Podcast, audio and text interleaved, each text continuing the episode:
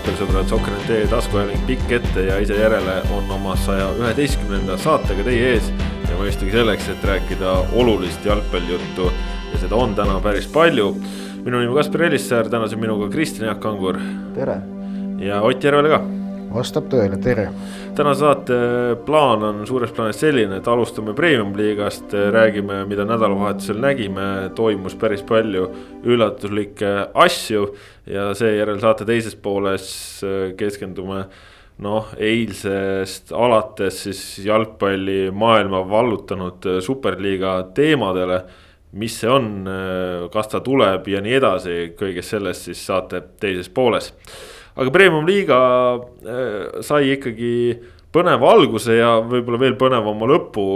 pühapäev ise oli premium-liigas lausa erakordne, eriti sellisel hetkel, et kui selle ühe pühapäevase esimese mängu olid juba ära vaadanud, siis mõtlesid, et no nii. ja aga siis tuli üks mäng veel ja oli hoopis no nii ehk siis äh, uskumatud üllatused äh,, uustulnuk Pärnu Vaprus äh, tegi ikkagi aastaid eurosarjas mänginud Nõmme Kaljule tuule alla üks-null, Virgo Vallik, kaheksateistaastane noormees, kelle nime ilmselt äh, ka paljud meie saate kuulajad varem väga palju kuulnud ei ole, lõi teisel poolajal noh, ikkagi Tauno Teko suurepärasest äh, väravasöödust palju võrku ja, ja üks-null seal Hendrik Vainu tegi väravas kõvasti tööd. Äh, noh, Kristjan Jaak, kas äh, Kalju ongi siis nüüd tänavusel hooajal äh, selline võistkond, kes suurde mängu ei, ei trügi? no kui sa räägid suurt, mõtled suure mängu all top kolme siis mängimist, siis kisub küll sinnapoole jah kisub me... küll sinnapoole nagu vägisi, et, et see noh.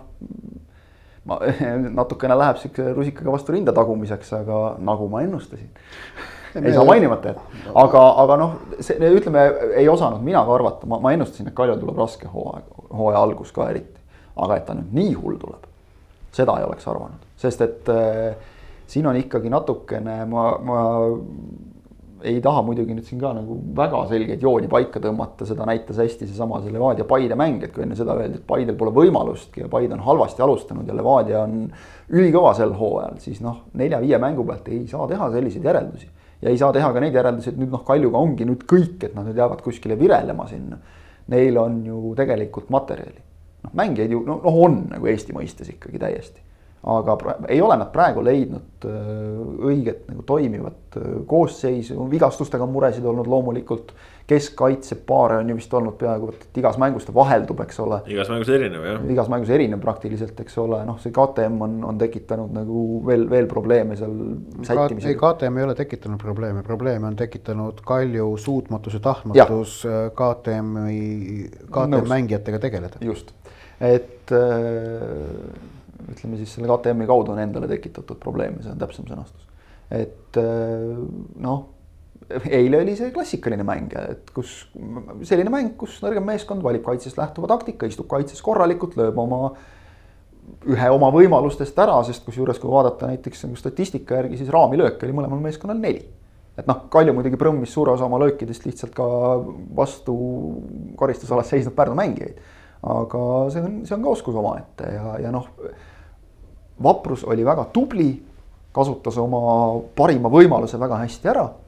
aga samas ikkagi suuresti oli, oli asi selles, et Kalju oli hambutu. ja Kalju ründemäng on olnud hambutu kõikides mängudes, ma julgeksin öelda.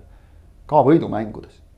ühes mängus jällegi selline noh, Volkovi individuaalne meisterlikkus, pikk soolo ja Tamm lõi ära ja, ja siis äh, Kuressaare vastu pidi keskkaitse appi tulema standardolukordades. ja kolmes ülemängus on nad kuivale jäänud. kolmes ülemängus ei ole löödud mitte ühtegi ja ütleme, et noh, okei okay,, sa võid kuivale jääda igat moodi, aga ei toimi see ründemäng, seda on näha täiesti selgelt, seal on proovitud igasuguseid erinevaid lahendusi, et, et noh, nüüd jäeti näiteks Pavel Marin pingile, mis noh, esimese poole põhjal ilmselgelt ei olnud õige otsus. Et noh, ma saan aru, et, et Frantsev otsib, aga võib-olla on ta ise ka nagu mingites asjades liialt kinni mingites mängijate valikutes, mingis oma taktikas, noh, kui sul ikkagi nagu meeskonna mängija ütleb otse välja pärast mängu intervjuus, et, et noh, me, me võiks teisiti, aga treener tahab, et me mängime nii ja, ja noh, see ei ole valesti öeldud. see, see täpselt nii ongi, seda näevad kõik nagu kõrvalt ka, et noh, Amir Natho ärakasutamiseks peab mäng olema teistsugune. Sellises mängus ei, ei saa Natho ka nagu eriti midagi teha, ta vajab ruumi, vabadust, tal ei ole seda, siis, siis, siis ongi läinud noh, suuresti ju Kalju ründemäng ja noh, just see, et, et mida mõeldi talvel, kui mindi hooajale vastu nende ründajatega, kes on, teades väga hästi klubis juba varem käinud, Frantsevi taktikat, mis seal töötab, mis ei tööta. ja, ja siis noh, Odilavioga, kelle puhul ma olen üsna kindel, et äh, suurem osa Eesti jalgpallihuvilistest ise kaasa arvatud, kusjuures kipuvad juba unustama, et selline mees üldse Kalju nimekirjas on. noh ei, ei saa mängida Volkovi peale, ütleme kõrget palli näiteks või midagi sellist teha. samas on, samas on, kui edurivi on jäetud täiesti komplekteerimata, siis vabandust, kaitseliini on kuhjatud tarbetult palju mängijaid. Kalju kaitseliinis on selgelt, no neil on liiga palju kaitsjaid, arvestades seda, kuivõrd õhukese koosseisuga nad tegutsevad, neil on sellest koosseisust on liiga suur hulk mängijaid, on kaitsjaid. tasakaal on paigast ära. jah, Babitšev on lükatud keskväljale, jah, ta ongi nagu vist, vist ongi poolkaitse, kuigi ta võib mängida mõlemat kohta aga sul on siis on ju, eile olid, äh, olid alustavad keskkaitsjad olid äh, Avilov ja Vermejev, äh, äärekaitsjad Markovitš ja Kulinitš. aga sul on veel pingi pealt võtta see kreeklane, see Tsivelikidis sul on pingi peal Edur ja sul on veel ka ilmselt Ivan Jušin pingi peal, okei okay,, Ivan Jušin ongi nagu noh, vahetusmehe tasemel mees. aga Narva Transis oli põhimees. nojah kas sa võrdled Narva Transi Nõmme Kaljuga? oota, jaa, õige, Trans võitis Kaljut, jaa, jaa, tuleb meelde, tuleb meelde eh,. aga, aga no seal on selgelt kaitsjatega on üle pingutatud, noh, kui, kui nagu ja, ja. sa praegu ei maininud vist ka isegi Reintamit. Jah, ja muidugi Reintam on ka veel jah, kes eile koosseisu ei mahtunud. et äh, miks neil seda kreeklast vaja oli? noh, no tegelikult ei olnud vaja, võta selle asemel mingi ründaja, on ju ja, ja teine asi, et äh, kui sul KTM-iga nii suur probleem on, siis sul on Mark Edur koosseisus, kes on terve eelmise hooaja esimese poole Viljandi tulevikus kindel põhimees ja no selgelt on seda taset, et mängida see koht välja.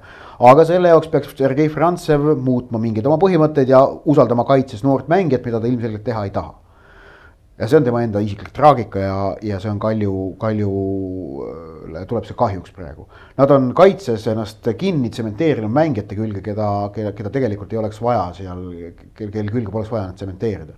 Babitšev minu meelest, nii palju kui ma olen näinud, on, on hea mees, ta nagu. ta on no, nagu mängumees jah, selles ja. mõttes, et ta, tal on korralik selline stabiilne tase, natuke meenutab mulle selles mõttes Markovitši, et, et noh, kelle puhul sa tead, et see mees teeb oma töö alati ära. jah, aga Babitševi ka ma, teda on küll kasutatud keskväljal nüüd selle alumise poolikuna, aga samas ka seal on tegelikult Kaljul ju muid variante ja Babitšev keskkaitsjana, ma mäletan seda karikamängu tuleviku vastu, kus ta mängis keskkaitsjana, tegelikult toimis. Äh, ta hoiab palli liikumas, annab rünnakutele kiirema mineku. Äh, noh, sellised asjad, noh, dünaamikat annab mängule juurde. Äh, aga Kalju mäng oli praegu ju niivõrd väga seisev, aga mis nagu suures plaanis rääkida Nõmme Kaljust, siis ma arvan, et, et kui me oleme ikkagi seni rääkinud eelmistel hooaegadel premium-liiga esinelikust ja et kvaliteedimärk on olnud ülejäänud klubide jaoks olnud esinelikult teenitud punktid või, või saadud võidud ja viigid, siis praegusel hooajal meil enam sellest põhjust rääkida ei ole. Kalju ei vääri sinna kuulumist nende esituste põhjal. meil on põhjust rääkida esikolmikust, äh, Flora, Levadia, Paide, noh, järjestus on see, mis nad seal omavahel välja mängivad ähm, ja ka, kuigi Kalju võib meistrivõistluste kokkuvõttes neljanda koha saada, üle selle ma tõesti ei usu siis äh, nende mänguline kvaliteet tähendab, et äh, nad ei ole hetkel enam Eesti mõistes äh, tippvõistkond. no oleme ausad, Leegion näiteks on mänginud paremat jalgpalli seni. nõus. just selgelt, üsna selgelt ma ütleksin. Nõmme Kalju, Nõmme Kalju ei ole enam targemat. hetkel Eesti tippvõistkondade seas no ja. ma arvan, nad võivad sinna vabalt tagasi saada, näiteks kui tuleb uus treener sellepärast, et äh, tegelikult, kui me mõtleme, et Kalju oli võrdlemisi sarnase koosseisuga eelmisel hooajal Marko Kristeli käe all kuni koroona jamani ju suures mängus sees. siis, siis tegelikult selle võistkonnaga on võimalik mängida ka jalgpalli. aga kuni nad seda ei tee, seni jah, nad äh, pudenevad üha madalamale, aga. võib-olla ongi väike sihuke küsimus, et Ott, mis sina arvad, kas enne saab jaks otsa tangijuhil äh, Frantsevil või, või klubil? sõltub, ma arvan, ka nende omavahelise lepingu teatud nüanssidest, mis ei ole ilmselgelt, mida, millest me ei ole, millega me ei ole kursis. sama jah, et äh, noh. noh, üldiselt ikkagi treenerid nagu ise ju nagu naljalt ka ikkagi ära ei lähe. väga harva. harva ikka juhtub seda, et seal peab ikka nagu suusad peavad ikka väga risti minema kuidagimoodi klubiga ja, ja noh, arvestades eriti veel seda, et Prantsusmaa nüüd selleks hooajaks toodi, et noh, teha nüüd nagu kohe see uuesti see, see noh, et ta nüüd kohe jälle läheb, noh, ta ju tegelikult ta teadis, kuhu ta tuleb ikkagi suuresti. ta on ju olnud kaljus, et, et noh, ta on, on, ta teadis, mis teda ees ootab, ta teadis neid mängijaid. Eh, noh. mina ütleks, et väga palju sõltub sellest, et kui nüüd jälle aken lahti läheb, et kas suudetakse endale ikkagi sinna ette mingisugune ründaja tekitada no tegelikult et ju. seesama see Frantsevi see plaan tegelikult see võiks toimida, kui sul oleks ees noh nagu korralik mees, kes ikkagi nagu võtab palle alla korralikult, lööb neid ära, noh mängib kellegagi kokku, praegu on see mees sealt eest puudu, sul on väga selge lüli on oluline lüli meeskonnast, võib-olla isegi kõige tähtsam lüli on puudu. tegelikult meenubki sihuke võib-olla circa kuu aega enne hooaja algust, siis kui vahetult äh, Mark Edur oli liitunud, vestlesin Kuno Tehvaga ja Tehva toona ütles küll, et nad loodavad isegi tuua sihukese korraliku kvaliteediga ründaja veel kuskilt laenule. aga no ei õnnestunud ja, ja noh, praegu on ikka näha, et äh, jah, seal edurivis kesktormaja noh, selge puudumine, et äh, tamme on kasutatud äh, näeme, et Tamm praegu sellisel määral ei suuda seda võistkonda vedada, nagu on loodetud. Volkovi äh, noh, mängud ka ei ole siin ütleme, et mida edasi, seda nagu kahvatumamaks läinud. ja no,, Volkov, Volkov. Vodilaavi on jah, Vodilaavi on kuskil peidus. Volkov vajab ka samamoodi ruumi, jooksuruumi ja, ja seda, selle on kõik meeskonnad tegelikult väga kerge, kiiresti nagu lahti hammustanud, et. et kui sa Kaljult nagu ruumi ära võtad, noh, NATO vastu sama, samamoodi, eks ole, et siin oli, on ju olnud mängud, kus on teda personaalselt kaetud.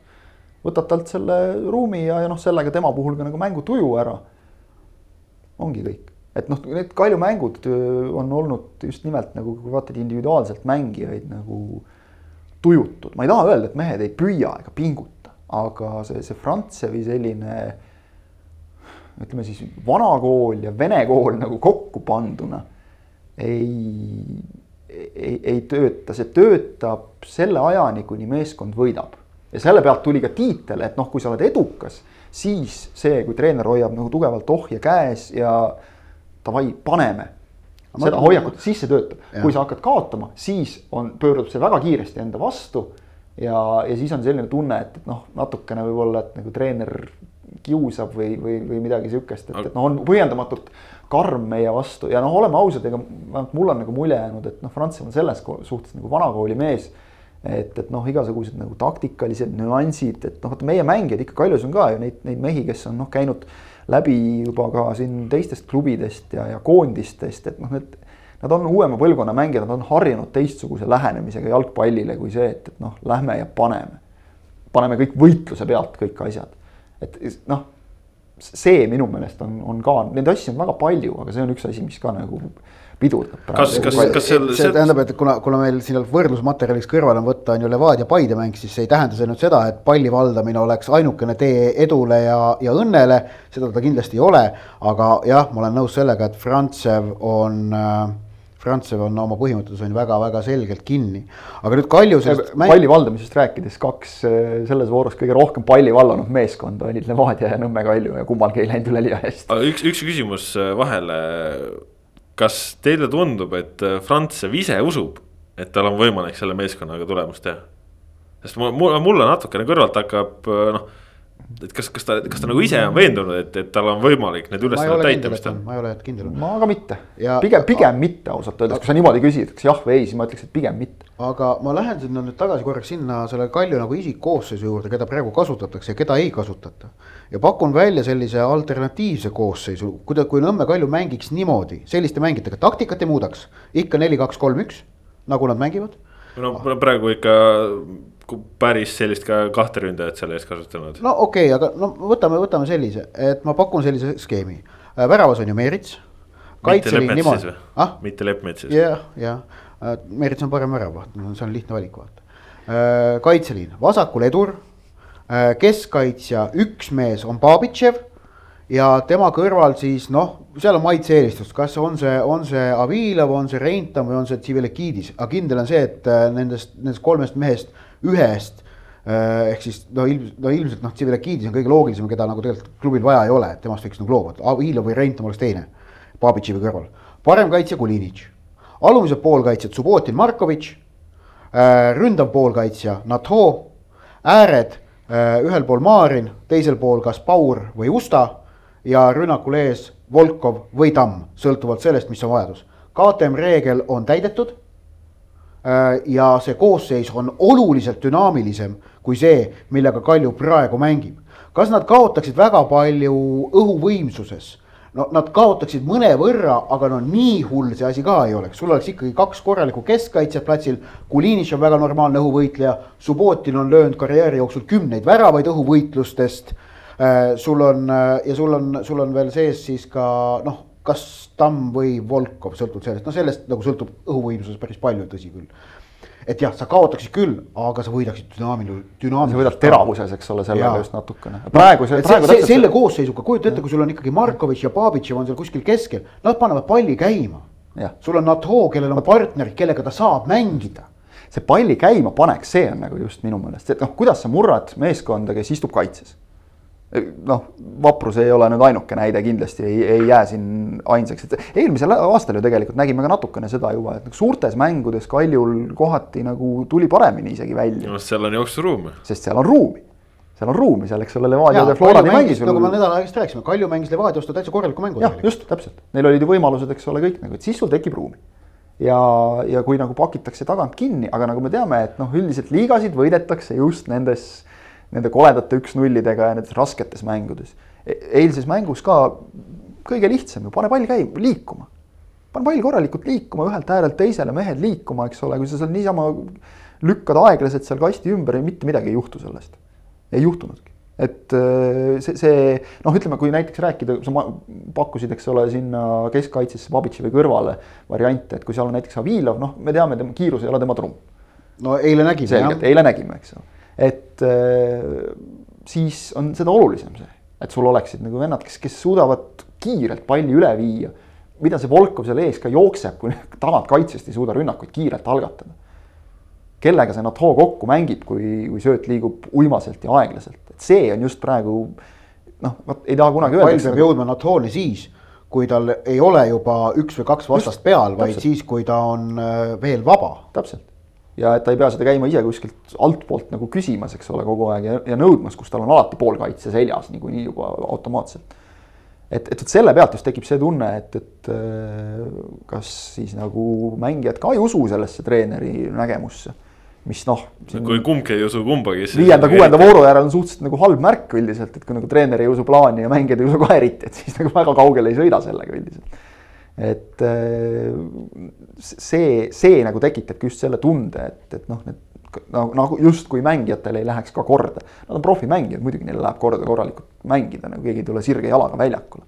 aga just see selline letargilisus ja nagu uimasus on see, mis on Kalju mängust kõige selgemalt silma jäänud, ütleme kõige läbivama joonena. ja Kalju järgmised neli vastast. Paide võõrsil, Tammeka kodus, Tulevik võõrsil Flora kodus. no kihvt äh,, ütleme, et kergeks ei lähe.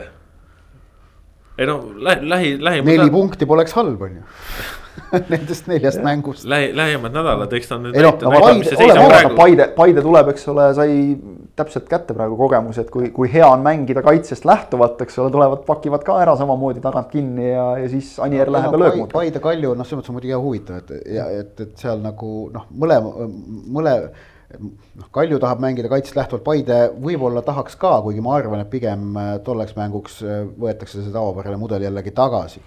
Ähm, aga noh, lihtsalt hoolimata sellest, et Kaljul jah, tippude vastu mängimine sobib nagu paremini siis ikkagi on nad nii mängus Kaljuga kui mängus Floraga, vabandust, Paidega kui ka Floraga mitte ainult outsider, vaid selged outsider'id praeguses olukorras. no praegu on ju tabeliseis ka selline, et Kaljul on ju kaotuseid rohkem kui võite. jah, jah, aga no tabeliseis siis, kui meil on siin kaks kuni kuus vooru mängitud, see ongi natuke ebaülevaatne. seda küll, aga noh, kellega, Tammeka, kellega nad kaotanud on. jah, ja duellid Tammeka ja Tulevikuga on Kalju jaoks sellised, kus äh, noh, vastase võit või viik, noh, ei oleks ühestki otsast ju üllatus ma isegi no, ei oleks, no. ma ei vaataks ka nagu niivõrd tõesti neid nagu noh, võite-kaotusi, eks ole, aga just see mängupilt ikkagi, see on selline, mis noh, raske on hetkel näha, mille pealt see peaks väga palju paremaks minema. ja kõik vastased saavad ju aru, et Kaljul on, äh, Kalju on rusutud ja, ja tulevad noh, Tammeka ja Tulevik tulevad Kalju vastu, nad no. tulevad sealt väga selge veendumusega, et meil on see, see on meil punktide mäng. Nad tulevad mängima nagu võrdne võrdsega ja võib-olla isegi tunnetavad, et noh, kodus mängides, et, et tuleks ära võtta.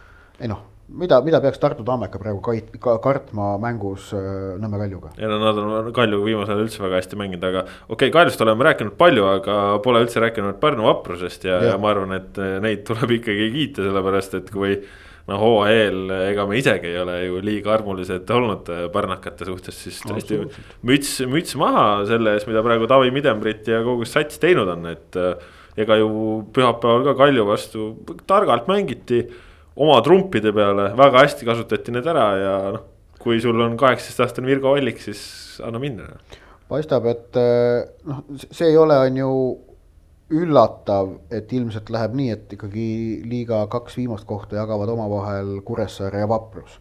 et kui, kui see peaks minema vastupidiselt, oleks ikkagi üllatus, et, et kui äh, kui sinna, ma ei tea, viimaste sekka juhtuks kukkuma kas tulevik või noh, trans, no pigem pigem praegu ei paista seda.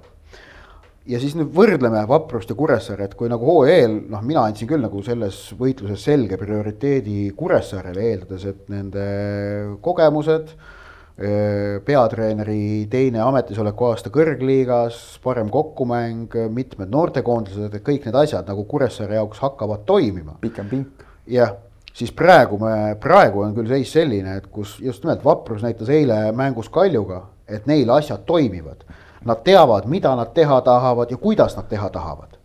Eh, jah, see sageli ei pruugi välja tulla ja, ja suured kaotused tabeli esimesele otsale on ilmselt paratamatus, et see nagu käib äh, selle tabeli lõpuossa kuulumisega paratamatult kaasas, et noh, et see, kuidas nad said Levadia käest seal märtsi alguses null viis, noh, selliseid mänge Vaprusel tuleb selle hooaja jooksul veel kuigi nad pärast seda on noh, Transi ja, Transi ja Tammekaga noh, väga kenasti sudinud ähm,.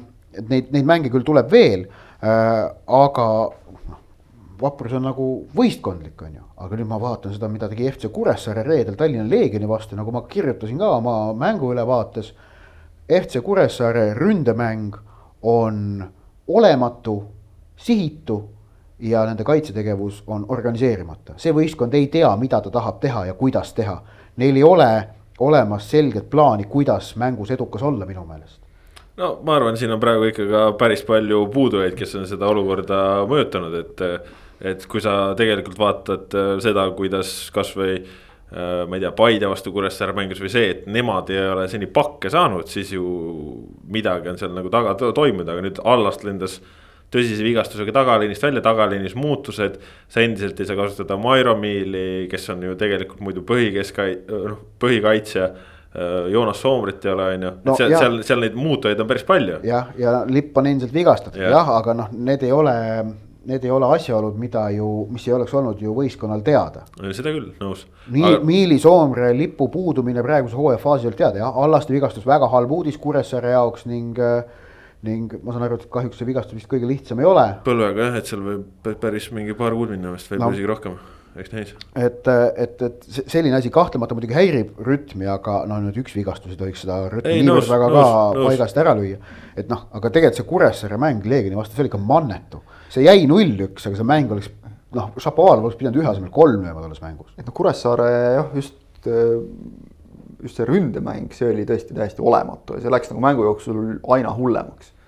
Ma võib-olla nagu nii karm ei oleks, ma ütleks, et selle Oti sõnadega olen nõus, aga ütleme, et see käib nagu selle viimase mängu kohta, et siin noh, eelmistes on olnud nagu natuke parem.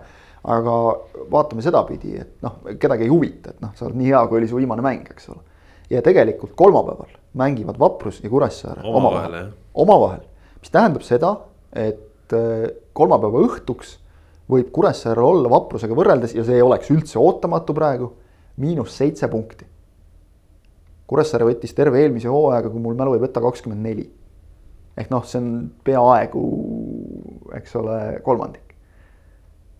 kogu Kuressaare eelmise hooaja punktidest on nüüd vahe et noh, loomulikult see on tagasimängitav, kõik on tehtav, eks ole, aga. ja kui nad võidavad, siis on vahe üks. ja kui nad võidavad, on vahe üks ja mm., ja isegi kui jääb viiki, on, on vahe ikka neli ja, ja noh neli punkti siia-sinna, eks ole. mis vaprust puudutab, siis minu meelest äh, nende jaoks oli võib-olla isegi nagu senise hooaja see, see murdehetk oli teine mäng. teine mäng äh, Transiga võõrsil. pärast seda null viis kaotust, kus ikkagi noh Levadia nii-öelda mängis koera nagu nendega, et, et noh, lõid viis ja, ja oleks võinud lüüa veel ja, ja seal ei olnud vaprus ikka üldse mängus sees ka. see näitab selle meeskonna vaimset tugevust ja muidugi lihtsalt see, et sa saad esimese punkti tabelisse kirja. Noh, mängid siis sinna otsa. pinged maha noh. võtab pinged maha kohe, eks ole, see, et nad ju tulid ju kaotusseisust välja selles mängus, võtsid mängu lõpus, hea emotsioon on käes. see on selle meeskonna jaoks ülitähtis, et oleks noh, vaim paigas individuaalsetelt oskustelt noh, kui me vaatame nagu kogemusi ja kõike, siis noh, nad pigem on premium-liiga viimane, viimane meeskond, noh ja okei okay,, noh kogemusi siin on, noored poisid mängisid ka, kui nad olid seal seitseteist premium-liigas, seda nagu väga ei võtaks arvesse. aga, aga ikkagi ma arvan ka, et, et see, et, et paljud neist on mänginud ja, ja noh, ütleme see peksa saamise aeg on nagu ära olnud. nüüd on see, et, et nüüd on mehemaks saadud, tagasi tuldud mäletan õigesti, siis minu meelest seesama Virgo Vallik juba, juba tegi ka Premium-liiga debüüdi siis, kui siin mängiti viimati. vot selles ma küll kindel ei oleks. koosseisus ta küll nagu ma mäletaks, et oli, no ühesõnaga nad, need, need mehed on no, ka ikkagi noh, nagu mänginud no,. no need mõtid, mõtid ja, ja Margud olid, kes seal kuueteistaastased panid. no ühesõnaga nad tulid, tulid üles ikkagi esiliigast, eks ole, ka siukse noh, visavõitlusega kui Midenbrit on piisavalt nutikas treener, siis ma arvan, et ta on natukene seda meestele ka ette söötnud ja ma tahaks nagu uskuda, et on just seda, et noh, vaadake, et keegi nagu ei, kõik ennustavad viimaseks, et kas me olemegi nii kehvad, ei ole. kaamera ka filmib iga mäng, eks ole, põhimõtteliselt, et noh, see, see võib praegu anda juurde natukene, aga just nimelt see, et saadi see esimene punkt kätte, pinge maha, Tammeka vastu korralik mäng sinna otsa ja, ja nii ta vaikselt tuleb ja, ja meeskondlikkus on, on selle meeskonna trump kahtlemata, et see on tõesti hea näide sellest, et individuaalselt igas plaanis Kalju on parem meeskond. aga Vaprus on. parem meeskond. parem meeskond, just paremad mehed versus parem meeskond. igatahes jah, selles mõttes kolmapäeval seitseteist kolmkümmend kindlasti naelutage ennast Soccer.net tv ekraanide ette, toome teile Kuressaarest äh, võib-olla kultuslahingu, saame näha, aga. Kuressaare Vaprus jah. just, aga kui Seal, siin äh, Kures. kui Kure, kui Vaprus võidab vahe Kuressaarega juba seitse punkti. jah, aga kui siin Kuressaarest rääkisid midagi Leegioni kohta ka öelda, et saame selle mängu ka kaelast ära, et nad tegid ma, päris ma... mitu vangerdust nii olude sunnil kui, kui, kui mitte, et seal no.. ja, ja tegelikult noh, probleem oli realiseerimine, nad tegelikult võimalusi tekitasid endale väga palju, aga Andrei äh,, Aleksandr Šapovalov seekord ära ei löönud. Ja miks ma kogu aeg ütlen Andrei Šapovalov, siis erinevalt äh, paljudest ma olen ikka mäletan seda ka, kuidas tema isa mängis. seda nimetatakse lugupidamiseks vanameistri vastu. no just, just, just ikkagi Ken Kallastest rääkides ikka käib Risto Kallaste ka meelest no. läbi, vaata nii, nii see asi käib. ja aga no,. ei no selles mõttes see oli nagu äge mäng, et oli, ma arvan, Leegioni enda jaoks ka oluline, et noh, see üks-null, üks-nulliks. tähtis see, oli võita, aga, ja see saadi kätte, see oli oluline. aga et just saadi... see, et, et ka ilma Andreevita on mängu on mängu, ei ole üldse probleemi. Šapovalovit, okei okay,, siin võib nagu rääkida, et no kurat, et ikka peab ära lööma, no peabki, nõus mm -hmm.. Premium liigas mängib, peabki vähemalt ühe oleks veel pidanud ära lööma, tõenäoliselt kaks. tal oli nii palju häid võimalusi, aga teisest küljest jällegi endiselt rõhutan, vähe mängupraktikat sellel mehel, olen nämmutanud vist juba mitu korda seda. aga nendest väga headest šanssidest lõi ta ära minu meelest kõige keerulisema. jah et see, see nagu oli küll... omapärane natukene jah. aga see tihti läheb nii, et just lihtsaid raiskad, eks ole, üks-ühele minekud lööd latti, mis on nagu oluliselt keerulisem saavutada, kui väravavaist palli mööda saata mm. -hmm. aga Leegioni mäng noh, nagu lippas hästi tegelikult ja, ja toimis, et, et neil on ikkagi, kui me rääkisime tasakaalust, siis vot Leegionil on ikkagi see tasakaal on nagu paigas. ja, ja tasakaal on neil paigas isegi siis, kui nad tõstavad mängijaid noh, natukene ümber ja nad, Belov teatavasti on treener, kes armastab tegelikult pigem koosseisus teha no pigem rohkem muudatusi kui vähem. ta ikkagi muudab päris sageli mingeid asju. ta ei ole liiga jäigalt kinni asjades. ja, ja aga et vaatamata nendele muudatustele noh, Leegion pole üheski mängus, mis nad senisel hooajal on mänginud, pole ju mängust väljas olnud. et kui me võtame ka need mängud äh, kolme tipu ja Nõmme Kaljuga, äh, kus nad said, on ju siis äh, kolm kaotust ja ühe viigi, kolm kaotust kõik olid üheväravalised, siis miks sa naerad, Kasper no ma ütlesin juba ennem, et kolm tippu ja Nõmme Kalju. just, just, just. siis Äh, ka nende mängude lõikes nad ei mänginud ju neid äh, kohtumisi sellise ühe kindla jäiga koosseisu ja süsteemiga, vaid ka seal nad tegid muudatusi. sellele vaatamata see mäng püsis koos, oli süsteemne, oli läbimõeldud, oli ka tulemuslik, võib öelda tegelikult. Ja, ja samamoodi nad on ka pärast seda teinud erinevaid muudatusi ja on nüüd äh, noh, halvasti on neil läinud ainult üks mäng tegelikult, see oli see Narva Transiga null-null, siis nad olid kehvad aga ülejäänud mängud on ju noh, ikkagi see asi on nagu toiminud ja just nimelt see näitab, et, et äh, noh, vaatamata nendele muudatustele on see võistkondlik tasakaal kogu aeg paigas olnud, see on kvaliteedimärk minu jaoks ja siis üks mängija, keda ma tahan nüüd nimeliselt välja tuua, oli minu jaoks Pavel Tõõmov ikkagi tolles mängus. Tõõmovit ma olen terve, terve senise kevade kiitnud. no sest ta, ta on hea. jah, ta pani ikka selle no niimoodi mõnusalt pani selle keskvälja seal elama ja tiksuma, et see oli nagu lust oli vaadata. aga mul on äh, tegelikult küsimus ka, kuna ma ise samal ajal kommenteerisin ühte teist äh, lahingut, siis kuidas mängis German Schlein? ta oli siis esimest korda Tõõmoviga koos, et, äh, nad seni, seni mängis Saaniaga. mängu edenedes läks üha paremaks. alus, algus oli, oli krobeline ja kobav, aga mängu edenedes läks üha paremaks, et, et kindlasti noh äh, nii et paistab seniseste valikute põhjal on ju, et Schlein hetkel Belovi lemmikute seas ei ole. Äh, noh, ta ei ole ju põhisse mahtunud, on ju. aga, aga eks näis, kuidas nüüd edasi, et, et ega, ega Sander Puri äärel hoidmine noh, ega seal nüüd äärtel on ju ka tegelikult Leegionil muid valikuid on ka sinna võtta, et noh, et seal on keeruline kõikidele meestele kohta leida aga see on, ma arvan, luksusprobleem Leegioni jaoks praegu ja,. Dmitrijevile anti puhkust, ma saan aru lihtsalt, et, et, et vahepeal natukene puhata ka, et siin nagu tihe periood tulemas. ma, ma olen üsna kindel, et küll see Schlein saab ka mängida seal algkoosseisus just täpselt, et seal, seal saab nagu roteerida kui on treener, kes roteerib nagu rahulikult, siis see ei ole probleem, et, et noh, Schleini klass on ikkagi selline, et ta mängib ka oma koha välja, et võib-olla jah, see praegu see noh, algus võttis natuke aega, enne kui käima sai ennast, aga ma, ma seal nagu ei näe suuri probleeme. puri äärel mängitamine oli ka vist suuresti tingitud just vigastustest. Noh. Deniss Belov vaatas mängu minust kuus meetrit paremal, istus ka tribüünil on ju, et noh, ta ju oli juhendamiskeeldu kandis siis see oli minu arust nii, et, et jah, et kui ma esimesel poolel paaril korral kuulsin, kuidas ta seal Schleini kirus, siis teisel poolel tuli sealt tema ja Nikita Andreev oli seal kõrval, kes oli mängukeelu all, on ju. Andreev võis muidugi soovi korral juhendada ja, ja seda ka tegi. seal mingi nurgalöö, eh, see karistuslöök oli Kuressaarel sealt nagu noh, otsajoone juures, karistus natuke väljaspool, siis karjus Baturintsile, et noh, otse sisse ei lükataks mingit pidi lahti sealt ei teeks midagi sellist, selliseid asju ikka sealt tuli. Aga teisel poolel, vähemalt mitmel puhul Schlein sai juba see Bravo German on ju, et noh ma, ma ka selle põhjal tuletan, et minu meelest teisel poolel Schlein mängis ilmselt paremini. Suhteliselt loogiline järeldus, oled jalgpalli kaua vaadanud ja aru saanud, kuidas asjad käivad. aga üks küsimus veel äh, sarnastel põhjustel. Milline oli Albert Prosa roll väljakul ja kuidas tema mängis? Ma ütleks, see roll oli selline toetav ründaja ikkagi. jah, ta, ta märkamatuks jäi, minule vähemalt, kes ma ka nagu mängu jälgisin, aga samas see ei tähenda seda, et ta oleks halva mängu teinud.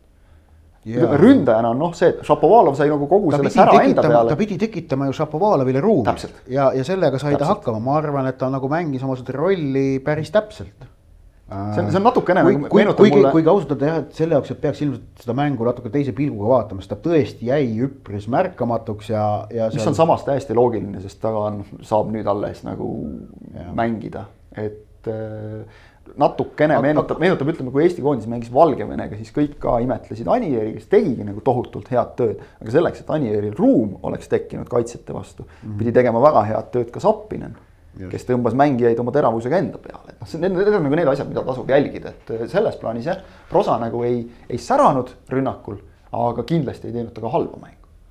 Nonii, äh, jõuame nüüd siis äh, pärast pooletunnist juttu ka ikkagi vooru maiuspalani. Levadia sai rapitud Paide linnameeskonna poolt, esimesel poolel iga kümne minuti tagant värav, kaks tükki Henri Anierilt, kaks tükki sünnipäevalapselt äh, Andrei Frolovilt. ja Levadia oli nii tükkideks kistud, et äh, no ei oleks osanud oodata, et seda võistkonda suudab selline lagunemine üldse ees oodata sellises duellis. Teie mõtted? ei no selliseid lagunemisi, noh me näeme tippjalgpallis kõikidel no, näeme, aga me ei oodanud, et see praegu. ja, ei muidugi sa ei oota no, seda kunagi, aga. keegi ei oodanud, et Liverpool Aston Villa käest seitse-kaks sisse saab, eks ole, noh või, või mis siin on kuus-ühed ja asjad. kusjuures see on minu meelest nagu viimasel ajal kuidagi maailma jalgpallis ka nagu muutunud, et. Neid asju juhtub rohkem. Neid asju juhtub palju-palju rohkem. ja, ja. oluliselt rohkem. sellega nõus äh, ja ma olen nõus. me kehvemad oleme. nõus ka sellega, mida Marko Savic ja Brent Lepiste mulle eile pärast mängu ütlesid mõlemad, et, et noh, nüüd on näi-, järgmised mängud on nüüd näitamise koht, et. et tugevad võistkonnad saavad sellistest tagasilöökidest üle, nõrgad jäävad neisse kinni. ja no see on nüüd kahtlemata näitamise ja mõtlemise koht Levadiale, noh, esmalt äh,, esmalt on neil mäng Narvaga ja siis nädala lõpus on Floraga et äh, tõsi on nüüd see, et, et treeningväljakul kummagi mängu eel ülearu palju tööd teha ei ole, aega ei ole, et kui me selle mängu juurde läheme, et noh, Paide ilmselgelt oli Paidel väga palju kasu sellest, et nädala sees mängu ei olnud. Nad said viis-kuus päeva tegeleda selle skeemi nüansside lihvimisega ning see kurat oli neil ikka perfektseks lihvitud, toimis noh hiilgavalt, mitte mingeid ebakõlasid me ei näinud, tõsi oh, arusaadav on ka see, et, et tuleb, tuleb, tuleb rõhutada ja möönda, et ega Paidel olid ka selle süsteemi mängimiseks väga sobivad tüübid väljakule võtta. Ka... kui sul Karl Mööl ja Sander Sinilaid on kaks alumist poolkaitsjat, neil on esiteks röögatult kogemusi, nad sobivad sinna rolli mõlemad. ja, ja sellise praeguse süsteemi puhul, kui sa veel vasakul äärel ei ole sul mitte Davis, vaid sul on seal Andrei Frolov, siis sul ongi vaja sinna sellist noh Äh, Martin Millerlikku ääremängijat, mida ta, mida, mida ju Frolov on, kui mitte sellist äh, noh. Lassi Sinjavski. Lassi Sinjavskilikku, just nimelt jah. ma vahepeal ikka kiire põige ka, et kui on inimesi, kes eilsel pühapäevasel päeval ei juhtunud seda mängu vaatama ja ei ole jõudnud ka pikemat kajastust lugeda, siis Paide plaan lühidalt seisis selles, et kui seni on mängitud neli, kolm, kolm, kõrge pressing, agressiivne mäng, siis sedapuhku neli, kaks, kolm, üks madal pressing, äh, kaitse tsementeerimine ja ainult kontrarünnakutele panustamine. palli teadlik loovutamine ja see töötas nagu kulda. no Paide ütleb ise, et see on neli, kolm, kolm, mida nad tavaliselt mängivad, mina nimetaks seda ikkagi neli, üks, neli, üheksa. ei no see on ju võrdlemisi sama asi, sellepärast et no, neli, neli, kolm, kolm nii-öelda hoid-, hoidev versioon ongi selline, et. et sa saad neli, kolm, kolme saad ju ka erinevalt, sa saad teistpidi ka. väga, väga erinevalt ja, aga noh, et neil on ikkagi selge on see, et neil on üks kontrolliv poolkaitsja all ja kaks ründavat poolkaitsjat. Yeah.. Frolov ja Mošnikov on mõlemad, reeglina on olnud nemad, kes tõmbavad mängu laiali, otsivad, noh, niimoodi, niimoodi tegutsevad. sõnastame selle väga lihtsalt, et mitte ühe kaitsva poolkaitsega, vaid seekord mängiti kahe kaitsva poolkaitsega no,, see on nagu kõige olulisem, et noh, need üle, üleval sa võid neid formatsioone, eks ole, kaitsest ründesse ja vastupidi üleminekul nagu muuta. aga, aga, aga jah, et see nagu, see nagu to toimis väga, väga hästi, neil olid sobivad tüübid, seda kõike sundis neile peale ühelt poolt noh, nii vigastused kirjutasid seda lahendust ette, ka KTM olukord kirjutas seda lahe, lahendust ette, aga no leiti väga sobilik lahendus ja, ja Kevvar Palumets teist mängu järjest põhikoosseisus ja ka temalt väga no, südikas esitus. ongi selle, selle mängu. mängis niimoodi, et Brent Lepistu võeti vahel välja ja, ja, ja mängis ka selles mõttes sedasi, et sa ei saanud aru, et ta KTM reegli pärast mängib, on ju, et ta ja, mängis ka väga hästi, väga ja. hästi mängis ja.... mulle meeldib, et talle, noh, okei okay,, eile ei olnud ka nagu väljakul tegelikult väga palju üldse selliseid mehi, kes, kes nagu veel võiksid pretendeerida sellele, aga et Palumets annab nurgalööke, lööb karistuslööke. Noh, jällegi noorele mängijale antakse vastutus, usaldus ja, ja ta nagu täiega kaifis seda, seda oli näha ka just nendes samades olukordades, kui ta seal lepistega ütlemiseks läks või, või. tal ei läinud mingiks ütlemist, ainult naeris. ta, ta nautis seda. ja see on nagu just äge, et, et noh, noor mängija saab nagu aru, et need käivad ka asja juurde, aga nüüd ongi, et kuidas sa võtad, et kas sa lähed nagu närvi sellest. või eks ole, noh, sa oled, oled sellest mõnuga üle, no muidugi neli-nulli pealt on hea olla ka üle sellest, aga. aga noh, ei saa ikkagi üle ega ümber ka Henri Anierist. et noh, see okei okay,, väravat, no et ta lööb, aga lihtsalt ma jäin kusjuures, kui ma vaatasin eile neid, neid väravaid veel üle, siis ma jäin vaatama tema mitte näiteks selle teise värava, täiesti suurepärast lööki. tehniliselt üliraske panna niimoodi ja noh, see, see näitab mängija enesekindlust ja julgust, et minna üldse sellist lööki proovima. üks nulli pealt, mäng ei olnud tehtud, neli-nulli pealt võid teha igasuguseid trikke kannaga lüüa ja mida iganes. see näitab, et ta on endas lihtsalt praegu niivõrd kindel, aga kuidagi tema olek, kui ta palli saab ja hakkab kaitsjaid ette võtma. selles, nendes liigutustes on mingi noh, selline veendumus, et lähen, löön.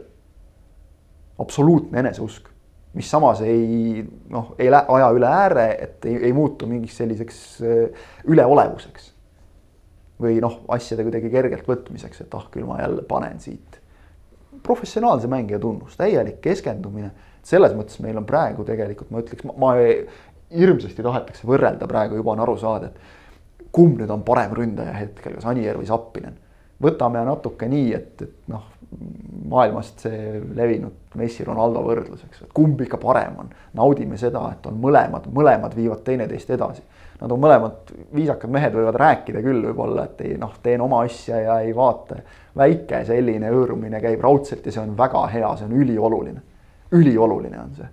ma olen täiesti kindel, et neil käib omavahel kogu aeg nokkimine, et noh, ma panin kaks täna, palju sa panid Mm -hmm. ehk et see, see, seda on praegu nagu äge vaadata, et meil on kahel meeskonnal Eesti ründajad, see annab, midagi ei ole teha, no see annab juurde, see on, see on mõnusam kui see, et, et sul on legionärid. kes võivad väga ägedad tüübid olla muidu, aga Eesti jalgpallile noh, ma ütlen täiesti subjektiivselt, minu meelest annab see rohkem ja ei kindlasti see Zappinen Anieri duell. et need on meie mehed. ja, ja, ja, ja see on selline mõnus vürts, mis sellel hooajal nüüd juures on noh, eks näis, kas see kandub, kas see, kas see osutub lõpuks ka tabelis Flora Paide duelliks või millisel, noh, kindlasti mingil määral osutub, kas see on ka hooaega defineeriv duell.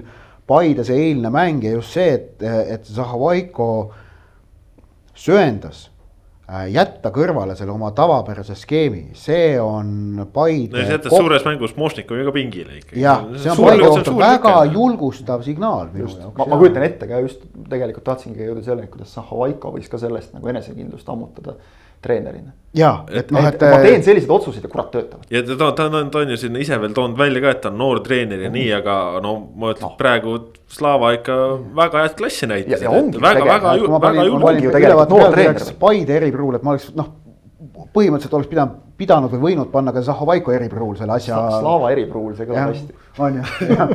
selle võiks välja anda kõik.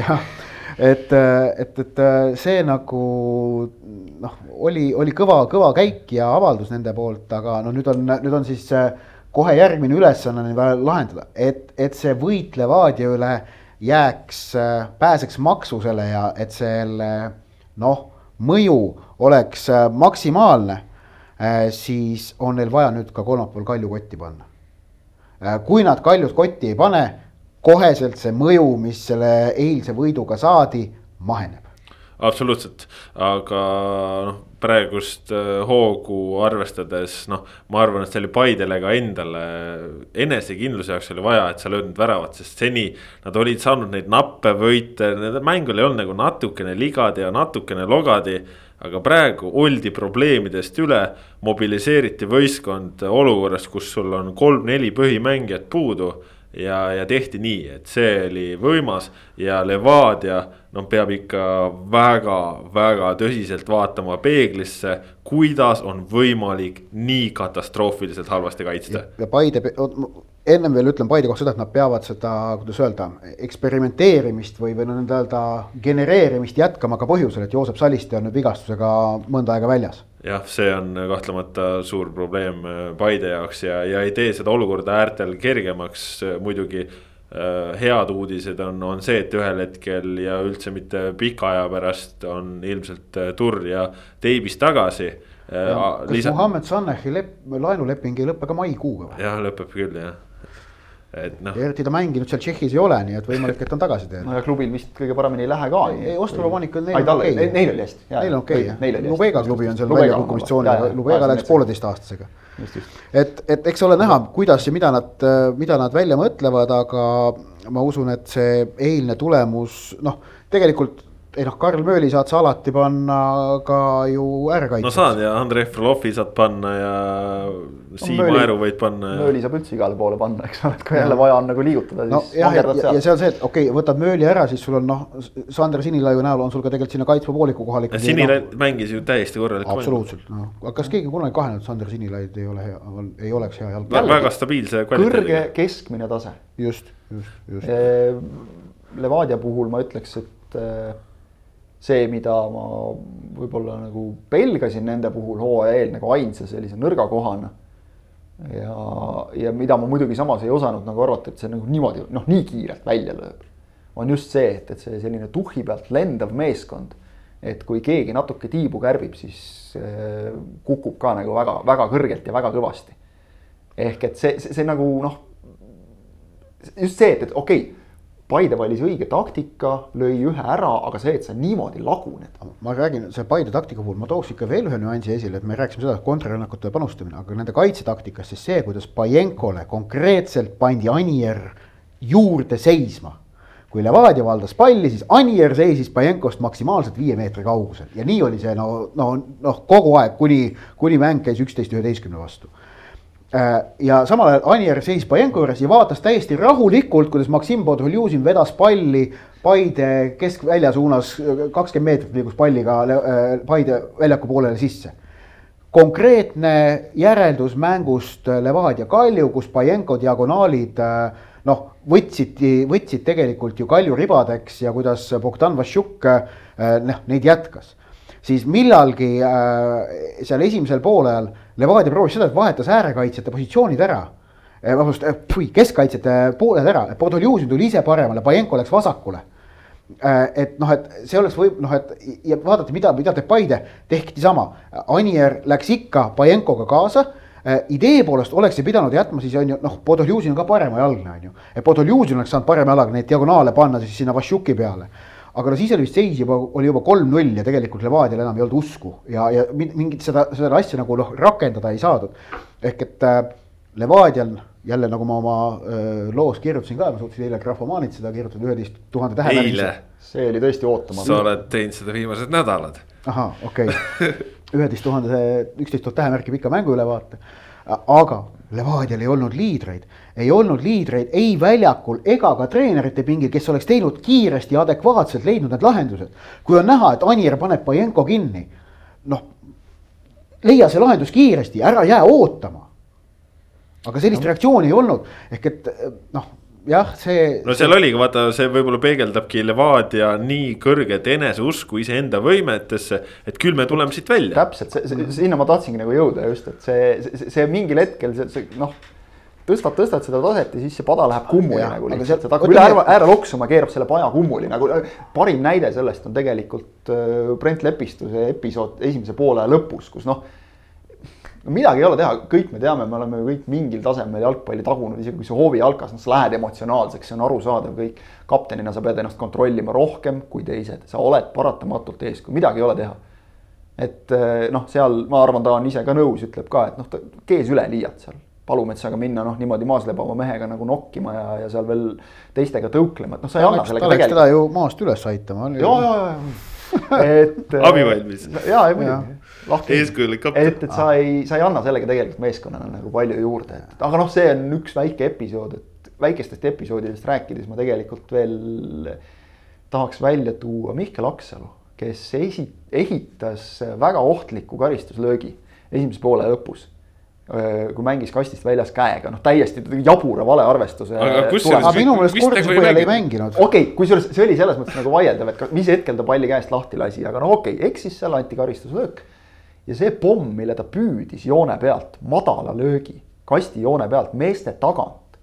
see oli klass et see on nagu ikka see näide, et, et sa võid olla aasta aega eemal, su vorm võib olla noh, nii ja naa, nagu esimestes mängudes nägime, aga klassi ei võta sult ikka mitte keegi ära. ja sellised jällegi väike episood, aga ma kujutan ette, et see annab ka noh, ülejäänud meeskonnale mingit jõudu jälle juurde. noh, nägime pärast riietusruumis, kuidas, kuidas mehed laulsid ja no., ja väga rõõmsalt, et. Ja seal ka suts enne oli veel Kristevski löögi väga kindlalt püüdis Aksalu aga nüüd, et see Levadia enesekindlus, me tuleme selle pealt välja, et ma ütlen, et kaks-nulli äh, puhul oli sellel, see oli veel tegelikult ju asjakohane ka, kui pärast kaks-null seisu. Ja eriti arvestades seda, et no ütleme, kaks-null värav oli ka selline, kus see expected goals kuulus asi. no oleme ausad, ei olnud kuigi kõrge selles olukorras, see oli ikkagi Anieli, Anieri totaalne tehniline briljantsus, mis sealt värava tõi.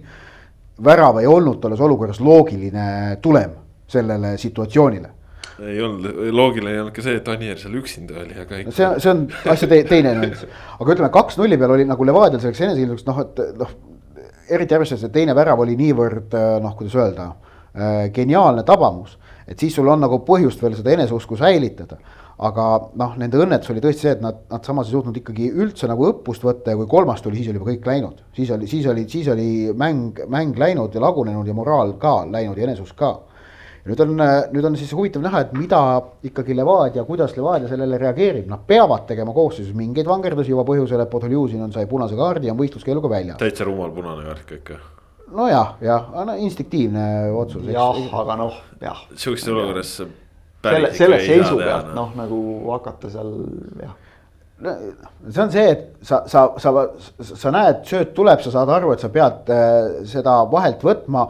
sa mõt-, tuvastad no,, kõige mõistlik, kõige mõistlikum on mängida okay. õlaga ja siis näed, kurat ei ulata ja paned käe, no, noh mm -hmm. nii, nii see asi käib äh,. ja punane, aga nüüd on okei okay,, Dolor Dava on ilmselt loogiline lahendus mängib, see tähendab, et äh, kuskilt mujalt äh, tähendab, et. Äh, võõrlegionär tuleb sisse, nii et keegi, üks võõrlegionär võib kuskil välja. ei, Dolordava oli seekord koosseisus. Et... seekord oli sellepärast, et Ernst Achiri oli väljas, aga seni ei ole ju Dolordava saab... isegi pingile mahtunud, sellepärast et polnud ruumi. ja siis tähendab jah, et kui sa nüüd Dolordava paned põhisse, siis tähendab, et Achirit sa koosseisu tagasi tuua ei saa. kui siis... sa üle, või välismaalased tahad alles jätta. või, või siis on, ongi variant, et noh, arvestades, et ka Miljan Ilits ei teinud väga head mängu seal seal Kevin Kauberil ja pall jala peal ja nii edasi, et, et võib-olla. Markus Jürgenson läks esimest korda platsile ja. või Elhi mängib vasakkaitset, variante, variante on mitmeid, aga Levadial, aga siis selle ütleme noh, Transi mänguks paned ikka koosseisu kokku, selles nagu pole muret. aga mure on natukene, ma arvan, nende jaoks see, et siis nagu kohe neil järgmine mäng neli päeva hiljem on ju Floraga ja noh, ütleme ideaalis äh, tahaks, ma usun, Levadia küll niimoodi, et nad panevad Transile ühe koosseisuga ära ja lähevad sama satsiga Flora vastu aga oletame, et, et kui õnnestub äh, neil Transist jagu saada, noh, mis ei ole mingi kirikus maha kuulutatud, aga, aga kahtlemata soosikud, nad selged soosikud selles mängus on, vaatamata sellele, et, et nad Paidele praegu kaotasid. ja siin ei ole nüüd põhjus see tingimata, et Trans Flora käest null viis sai, vaid et noh, et seal nagu lihtsalt ongi võistkonna taseme vahe, et noh, Transil oli ka halb päev Flora vastu lihtsalt ähm,. jah, kui sa saad nagu.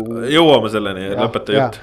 Äh, et äh, aga et, et tekib nagu kiusatus ikkagi mingeid muudatusi teha enne seda Flora mängu. Äh, ja no see on nagu Levadia treeneritele ka veel üks nagu mõttekoht ja keeruline koht. ja noh, nüüd on siis ka see, et Brent Lepistu võeti, meeskonna kapten võeti pärast esimest poolaega lihtsalt mängust välja. et äh, neil on vaja nüüd teha otsus, mis äh,, kumb mees mängib seda positsiooni nüüd eeloleval nädalal ma arvan, et mees, kes mängib Transi vastu, peaks mängima ka Flora vastu, et seda kohta noh, ei taheta nagu ja kas on siis Lepistu või see on Antonov ja Antonov siis eelmisel, sel, selles mängus ei mahtunud isegi pingile. just. et see on päris hull värk jah, mis seal Levadias toimub, eks nad saavad nüüd ise nuputada.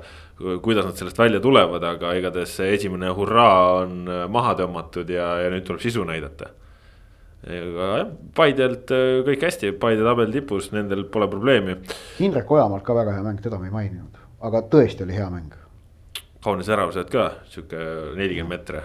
noh aga üks mäng, mis oli ka põhimõtteline ja, ja oli reedel Tartu Tammeka Viljandi tulevik.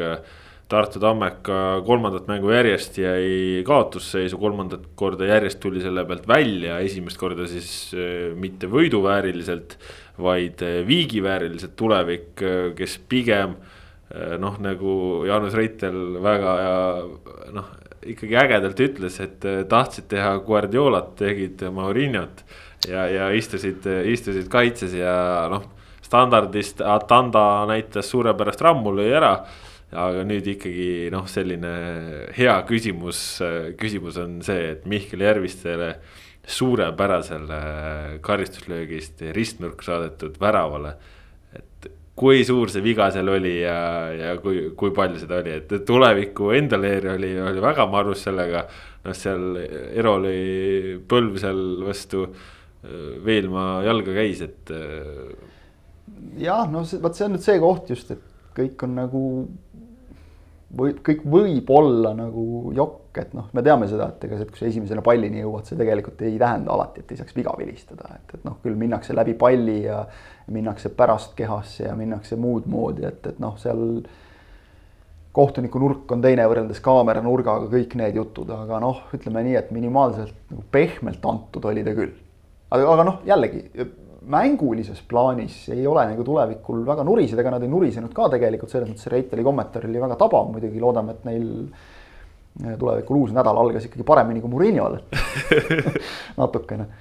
aga kes siis sai vist vallandamise eest mitte kolmkümmend, vaid ainult kakskümmend miljonit kompensatsiooni. eurot saaks, siis? eurodes siis jah. naelades. naelades lausa, okei.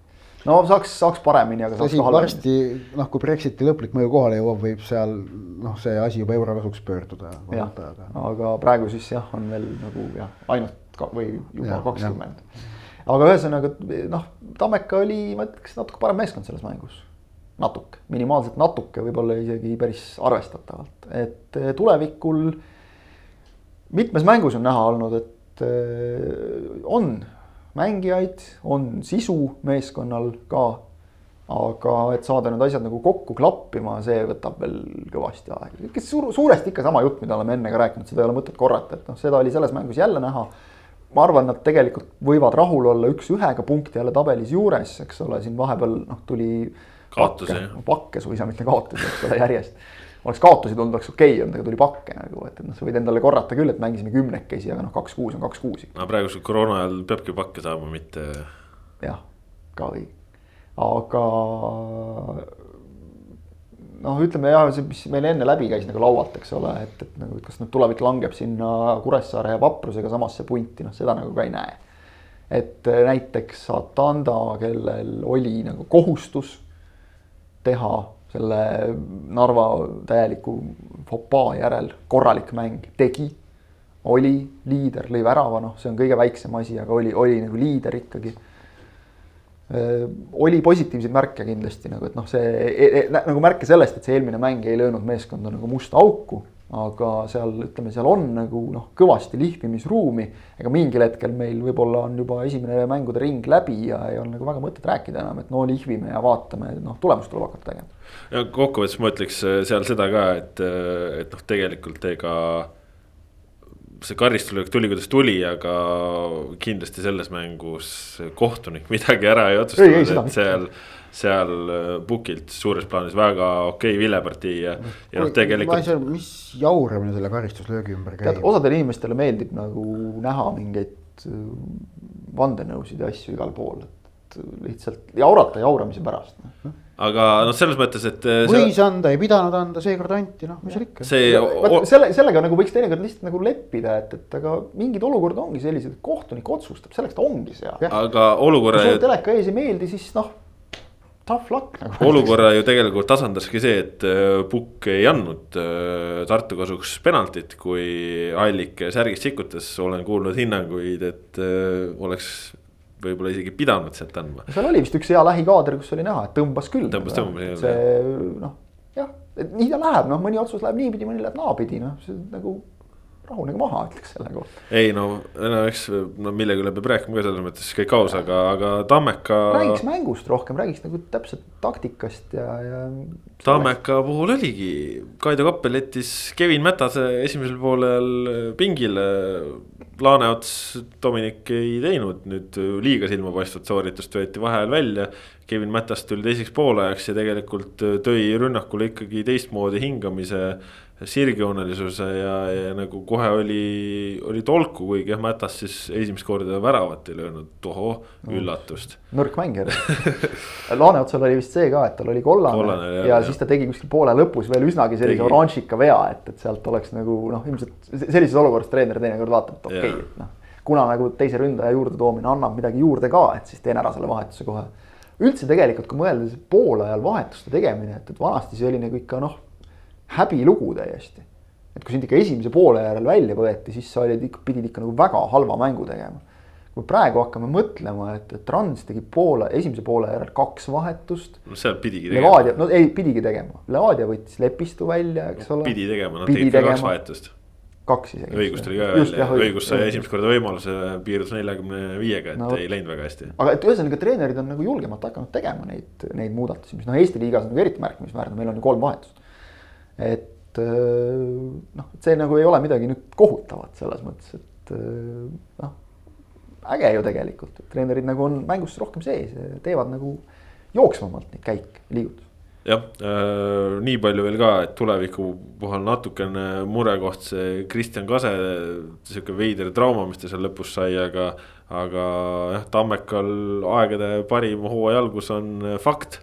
Ja eks näis siis, kuidas nemad edasi lähevad, tulevik mängib juba siin Floraga, nii et nendel väga palju lihtsamaks ei lähe, sellepärast et Flora nädalavahetusel Narva Transile viis-null, noh mäng oli üheksa minutiga tehtud. kordusetend-, kordusetendus äh, taliturniirist. jah, seal, seal oli sama, kusjuures täpselt kaheksandaks minutiks oli kaks-null. ja, ja sama, samamoodi mingid trans, äh, täitsa debiilsed söödud seal. Trans ei, Trans seekord nüüd ei saa öelda, et noh, nagu oleks lagunenud otseselt, noh taliturniir, seal läks kõik nagu seesamune vee peal laiali, aga. mis täpsemalt siis? no see S-tähega asi, et äh,. Savi. Savi Ott teab. no selles mõttes jah, nõus, et äh, ikka ise ehitati et äh, ma üritan meenutada, kuidas no, oli. Tabrezi tablet Mirri sööt. see oli vapustav sööt, Rauno Sappinen pole ilmselt nii head väravasöötu, see on tükk aega saanud nagu ääre pealt täpselt keskele jala peale, mine. Ja Sappinen siis seda ei löönud esimese korraga ära, toho üllatust. seda ei löönud esimesega ära, et seal tegi, Richard Alant tegi päris hea tõrje, aga noh, teisel katsel Sappinini esimene oli täpselt selline nagu see, mida Manieri kohta rääkisin, et. täitsa ulmena. pall võtan, lähen, löön. välisküljega. see, see näitabki mõlema mehe praegu väga head vormi ja tippkvaliteeti, et nad suudavad lüüa väravaid olukordadest kus tegelikult neilt värava löömist ei eeldata ei ega oodata ega kaugeltki mitte ei nõuta. ehk et äh, nad, nad tekitavad iseendale värava olukordi ja see on äh, kõige parem tunnismärk sellest, et ründaja on sellest tasemest, kus ta mängib, nõnda öelda, et ta on, ta, ta haldab seda nagu totaalselt. ei taha nagu seda üleolekut öelda, aga see on nagu just see, et Jaa, ma olen. see on üleolek, just nimelt, see ongi üleolek, just. See ei tohi muutuda üleolevuseks mängija ja. sees, eks ole, aga mm., aga ma, ma võtaks kokku, et Transi peatreener Igor, Igor Põõvin, noh venelased armastavad sõnu seada teinekord natuke elegantsemalt või tihti natuke elegantsemalt kui eestlased, kes ütlevad nagu noh, kuidagi robustselt nagu otse välja. Põõvin ütles väga hästi, et äh, mitmed äh, meie jalgpallurid ei täitnud oma funktsiooni jalgpalliväljakul. ja, ja, ja noh, okei okay,, ma vaatan, see on nagu meelega toortõlge praegu, eks ole, et, et aga, aga nii oligi täpselt. et noh, kõigepealt joostakse üle üks keskkaitsja siis viis minutit hiljem joostakse üle teine keskkaitsja, sellepärast et äärekaitsja on pannud täiesti arusaamatu söödu vastasründaja jalale.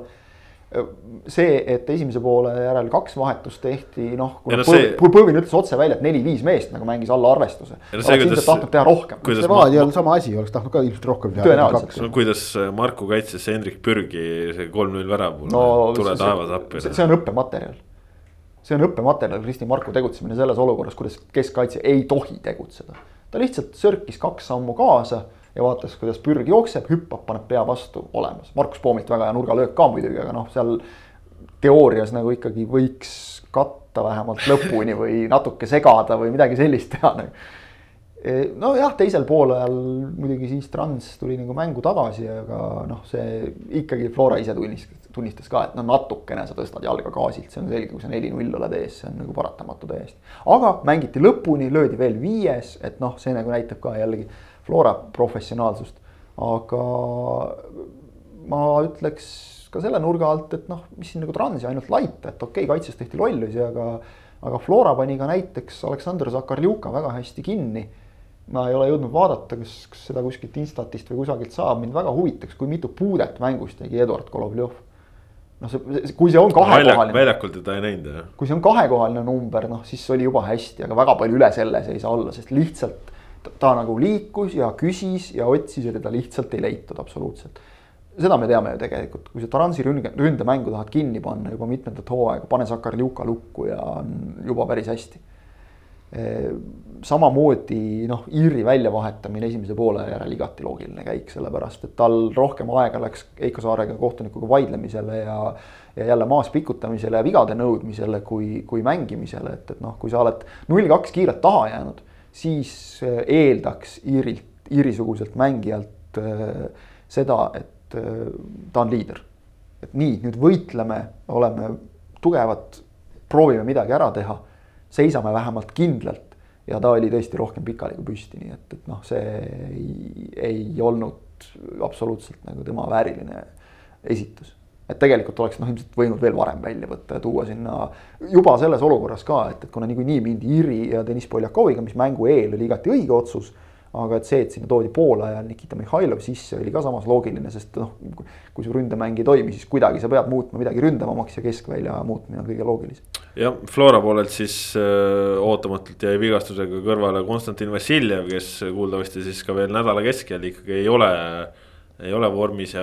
jah, no ta tõmbas, oli trennis ära tõmmanud natuke reielihased, noh, see on teada, et sellest nagu sõrmenipsuga ei parane, seal on lihtsalt aeg ja, ja noh, ta tuli ikkagi ära ka väljakult või väljaku äärest tribüünilt, kus ta mängu vaatas nagu suhteliselt selgelt longatas, et, et noh, jalg ilmselt kange veel ja ei ole ju mõtet, et Viljandi tuleviku vastu Henri Välja sai nüüd proovida küll ainult kuuskümmend minutit, aga tal oli ka vigastus siin hooaja eel, et selles mõttes loogiline, et noh, seal selle koha, Vassiljevi koha täidab ära ilusti, et Rauno Alliku mängis seal viimased pool tundi, mis oli iseenesest nagu huvitav käik, et noh, me oleme ikkagi harjunud teda ääre peal nägema no,, noh ta on ka nii universaalne vend, et.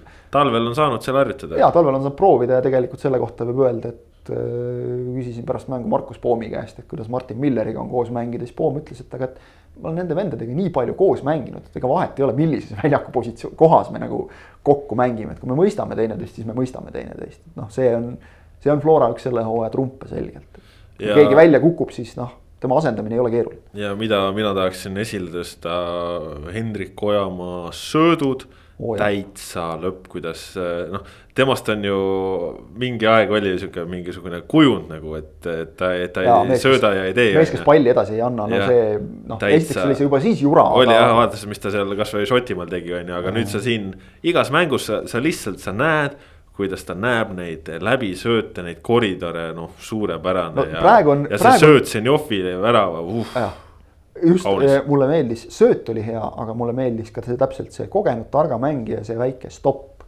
Et ei, ma ei pea kohe pöörama värava poole ja panema jooksu või midagi, ei, ma teen väikse stopi, kaitse liigub edasi, kohe on meeter ruumi ja siis lükkan selle söödu. Zenjov muidugi lõpetas selle ka no, väga. Hästi. no see on klass, täpselt, Ojamaa ja Zenjovi klass, et kui kellelgi on nagu veel küsimusi, et, et noh miks need vennad on nii palju koondises mänginud ja, ja nii kaua välismaal mänginud, siis palun, et noh, vaadake, vaadake lihtsalt mingites väiksemates episoodides nende tegutsemist. Ojamaa puhul suurim probleem on praegu see, et äh, kõik meeskonnakaaslased ei loe veel, loe veel läbi neid, seda tema nägemist. et sellest kanalist on ka võimalik söötu anda ja selle peale tuleb siis liikuda, aga küll see tuleb ajaga. aga seda oli jah, esimesel poolel, kuna tribüünilt sain vaadata just nagu enda ees Ojamaa tegutsemist, siis jah, see see mängude jälgimine nüüd järgneb siin nagu häbitu kiitlemine ajakirjanike poolt. meil on praegu see võimalus, et see, kuidas mängijad suhtlevad väljakul, seda on põnev nagu vaadata. kui palju juhendatakse üksteist, kui palju noh, on. sa saad aru, et kui hästi tegelikult need mehed nagu loevad mängu kõik mm. asjad ei tule välja, aga see, kuidas suunatakse üksteist sinna, sinna liikuma, tõusma, langema, seda kõike on õudselt huvitav jälgida jah, see on see, mis ma eelmine nädal rääkisin sellest, kuidas oli see, oli näha, kuidas Levadia ehitas Bojenkole neid diagonaale üles. et selliseid asju, noh, ei näe seda kõike telekast ja ei ole võimalik näha ja noh, endiselt neetult kahju publikut staadionil. et kui te, kui te nüüd saate tagasi tulla, siis ma soovitan ka nagu, et ärge jälgige nii-öelda mängu niivõrd, vaid võtke mingi hetk ja jälgige mingite meeste tegutsemist. ärge vaadake palli, jah ärge vaadake palli, vaid vaadake, kuidas, kuidas keegi liigub, kuhu võiks sööt minna, noh, kõik see, see teeb nii palju põnevamaks. vot nii palju premium-liigast, äh, see nädal äh, tuleb premium-liigast äh, tihke, sellepärast et teisipäev-kolmapäeval mängud ja nädalavahetusel ka, kui kui siin viirusetaadid ja muud asjad mingeid vimkasid sisse ei viska, nii et kõvasti jalgpalli jagub Sokkernet tv ekraanile mujale ka, nii et kõik oluline kodumaisest jalgpallist meie käest kättesaadav. aga läheme nüüd natukene veel ka superliiga juurde. mis meil tuleb nüüd saate teine tund loodaks mitte, Real Madrid, Barcelona, Atletico Madrid, Juventus, AC Milan, Inter, Manchester United, Liverpool, Manchester City, Londoni Arsenal, Chelsea ja Tottenham panid siis äh, oma putka püsti. Äh, Florentino Perezi Real Madridi presidendi juhtimisel, Agnelli Juventuse presidendi tüürimisel ja seal muud mehed ka abistavad. no ma saan aru, et seal ikkagi ameeriklased ehk siis, kui konkreetselt Inglise klubide juhtkonnast räägime, siis Dan Kroenke Arsenalist, Glazerite suguharu sealt Manchester Unitedist ja, ja, ja Liverpooli omanikud samuti. et noh, see, see on nagu loomulik, et selles mõttes loomulik, kogu see asi on ebaloomulik täiesti. aga, aga arusaadav, et, et ameeriklased, kellel on aastakümnete pikkune kogemus oma suletud profiliigadega, suruvad seda, et teeme sellise, kus ei ole mingit tõusmist ega langemist ja kõik saavad igal aastal Tottenhami peksta ja kõik on õnnelikud. siin vist tuleb ette hoiatada, et järgmises saatelõigus esineb üle keskmise palju irooniat.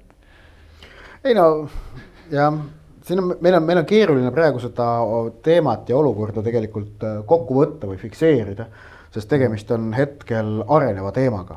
selle, sel ajal, kui me siin saates oleme olnud, on Aleksandr Tšeferin andnud pressikonverentsi, kus ta muuhulgas on siis öelnud, et äh, Äh, UEFA president, et äh, äh, olin, töötasin kakskümmend neli aastat äh, kriminaalõiguse alase advokaadina, aga ma pole elu sees selliseid inimesi näinud. Alustan Ed Woodwardist, Manchester Unitedi juhatuse esimees. ta helistas mulle neljapäeval, ütles, et ta on väga rahul reformidega, mida me kavatseme meistrite liigas ellu viia ja toetab neid. tegelikult ilmselgelt oli ta juba mingi muus, muus asjas kokku leppinud ning Tšeferin äh, jätkab, Andrea Agnelli, Juventuse omanik, on äh, nendest, neist kõigist kõige suurem pettumus ma pole mitte kunagi näinud, et üks inimene valetaks niivõrd palju kordi nagu tema, see on täiesti uskumatu. tasub rõhutada, et Tšeferin on Agnelli tütre ristiisa korralik seebiooper ka siia juurde, ei lõbus, lõbus.. aga noh, tegelikult noh lühikene ülevaade, miks nagu see on probleem. Eh, kõige peamine põhjus, miks ta on probleem ja miks jalgpall on väga ühiselt selle plaani vastu astunud, sa vaatad praegu, kuidas eh, FIFA ja UEFA, kes on saanud kakskümmend aastat Inglismaa ajakirjanduselt igalt poolt nagu igast august ja aknast sisse kõikvõimalike erinevate teravate ja suurte objektidega kuidas praegu Inglismaa ajakirjandus on totaalselt ainult asunud FIFA ja UEFA poolele. Kuidas kogu muu maailma või ütleme, võtame Euroopa, see on eelkõige Euroopa teema, Euroopa spordiajakirjandus, Itaalia äh, näiteks Itaalia ja Saksamaa on asunud äh, väga selgelt selle superliiga vastu. kuidas klubid äh, it, äh, kuidas Itaalia äh, väiksemad või noh, need klubid, Itaalia klubid, kes selles projektis ei osale ja ka need kõik kõrgliigad ja jalgpalliliidud on asunud selle superliiga vastu. põhjus on, põhjus on eelkõige selles, et äh, see eirab sportlikku printsiipi. see tagatud kohad on see, mida ei ole nõus ülejäänud jalgpall aktsepteerima. see, kui äh, tehtaks, ütleme meistrite liigale alternatiivne võistlus, mida ei juhi UEFA, vaid võetakse UEFA käest see õigus ära näiteks et äh, noh, selles osas nagu saaks vaielda. selles ja, osas minu meelest on isegi teatav loogika, sest siin see noh, vaat siin on nüüd kaks eri nurka, et kui me vaatame nagu puht nagu jalgpalliliselt või siis noh, nagu natuke idealistlikult mm, -hmm. siis on üks nurk. teine nurk on see, kui me võtame ja nii, tuletame meelde, nii vaatavad seda nende klubide omanikud nagu väga selgelt, nende jaoks on see äri, puhas äri Neil ei ole aega selle mingisuguse. ajalugu, kogukond unustage ära, noh. rahvus, rahvusromantika koond. kapitalil ei ole kodakondsust, saad sa aru sellest? just täpselt, nende jaoks on see, see täiesti suva ja kusjuures minu jaoks on nagu huvitav vaadata, et on päris arvestatav osa ka nagu noh, mul ei ole põhjust nagu selles kahelda, jalgpallisõpru vähemalt, kes ise identifitseerivad ennast nagu jalgpallisõpradena, kelle jaoks see on piisav argument. et see on äri ja nii ongi. see on banaalne ja labane ja ma ei ole sellega nõus aga. nõus, sama, aga kui vaadata selle ärinurga alt, siis võib nagu mõista, et eh, noh, meie toome kõige rohkem tulu aga me peame selle kuskil laiali jagama, me aga, tahaks selle endale nad, hoida. aga nad eiravad seda, et seda tulu toovad nad selle ressursi abil, mida toodavad kõik need Täpselt. väikesed klubid ja jalgpalliliidud, kasvatades üles mängijaid ja Täpselt. püramiidi, mille puhul peal kogu see meistrite liiga üleval püsib. ehk et ta on nagu selline, ta on, ta on ülimalt lühinägelik pilt praegu, selles ongi probleem, et noh, antud ajahetkes sa võid selle nagu kokku panna, aga ütleme, kui see asi nüüd toimiks mingi viis aastat, siis tekivad ju samasugused asjad. keegi peab sinna ju mängijaid andma, tootma mm. -hmm. keegi peab, keegi peab olema ka selles liigas ikkagi nagu viimane no sellest tahetakse teha nagu on NBA või NFL äh,, kommertsprojektid äh,, aga, aga, aga see ongi oluline selles... vahe Euroopa ja USA profispordi vahel ongi see, et USA profisport ongi algusest peale olnud äri.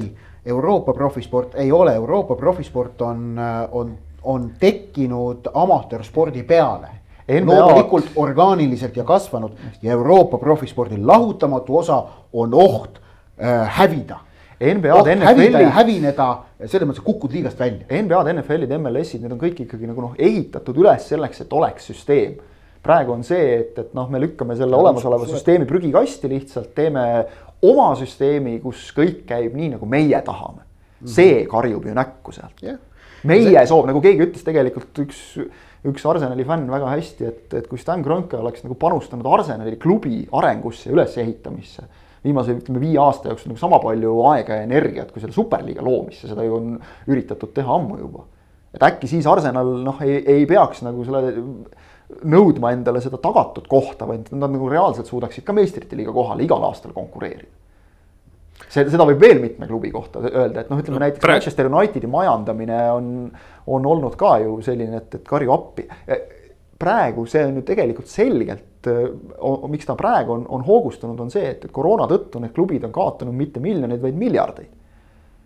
Kes on selles süüdi, noh, loomulikult koroona ja, ja neli aasta aega ja kõik, kõik teised. süüdi on UEFA, kes sunnib Just. neid alagrupis mängima mingi kuradi ma fucking Club Brügega, mingi kuradi ma no kuule, kas sa kujutad ette, Juventus kaotas eile Atalantale, võib-olla juhtub, nad ei saagi meistrite liigasse, see on lubamatu.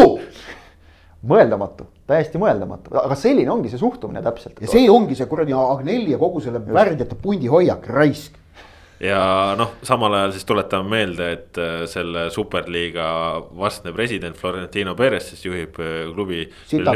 Real Madrid ja Real Madrid siis äh, tänavu meistrite liigas kaotas Donetski Šahtarile mitte ainult ühe korra. et, et just, just nagu see Florentino Perez on sitapea number üks põhjusel, et tema on selle superliiga idee, ütleme kõige kauaaegsem toetaja. tema on seda surunud jah, nagu ja. pikalt, aga, aga, aga ühesõnaga just, just nagu see, et praegu, praegu on see, ei, ei saa üle ega ümber mina ka mõttest, et nad on meelega just nagu praegu naudivad seda, et ühelt poolt sa ütled, et vot näed, koroona on meile teinud liiga. aga kujutate ette, mis praegu oleks, kui reaalselt mängud toimuksid publik või noh, mängud toimuks publikuga, kui publik oleks tribüünil või kui praegu ei saa isegi minna tegelikult nagu staadioni ette päris legaalselt paljudes riikides nagu plakatitega, eks ole, õigust nõudma. mõnuga kasutatakse praegu minu meelest seda ka ära.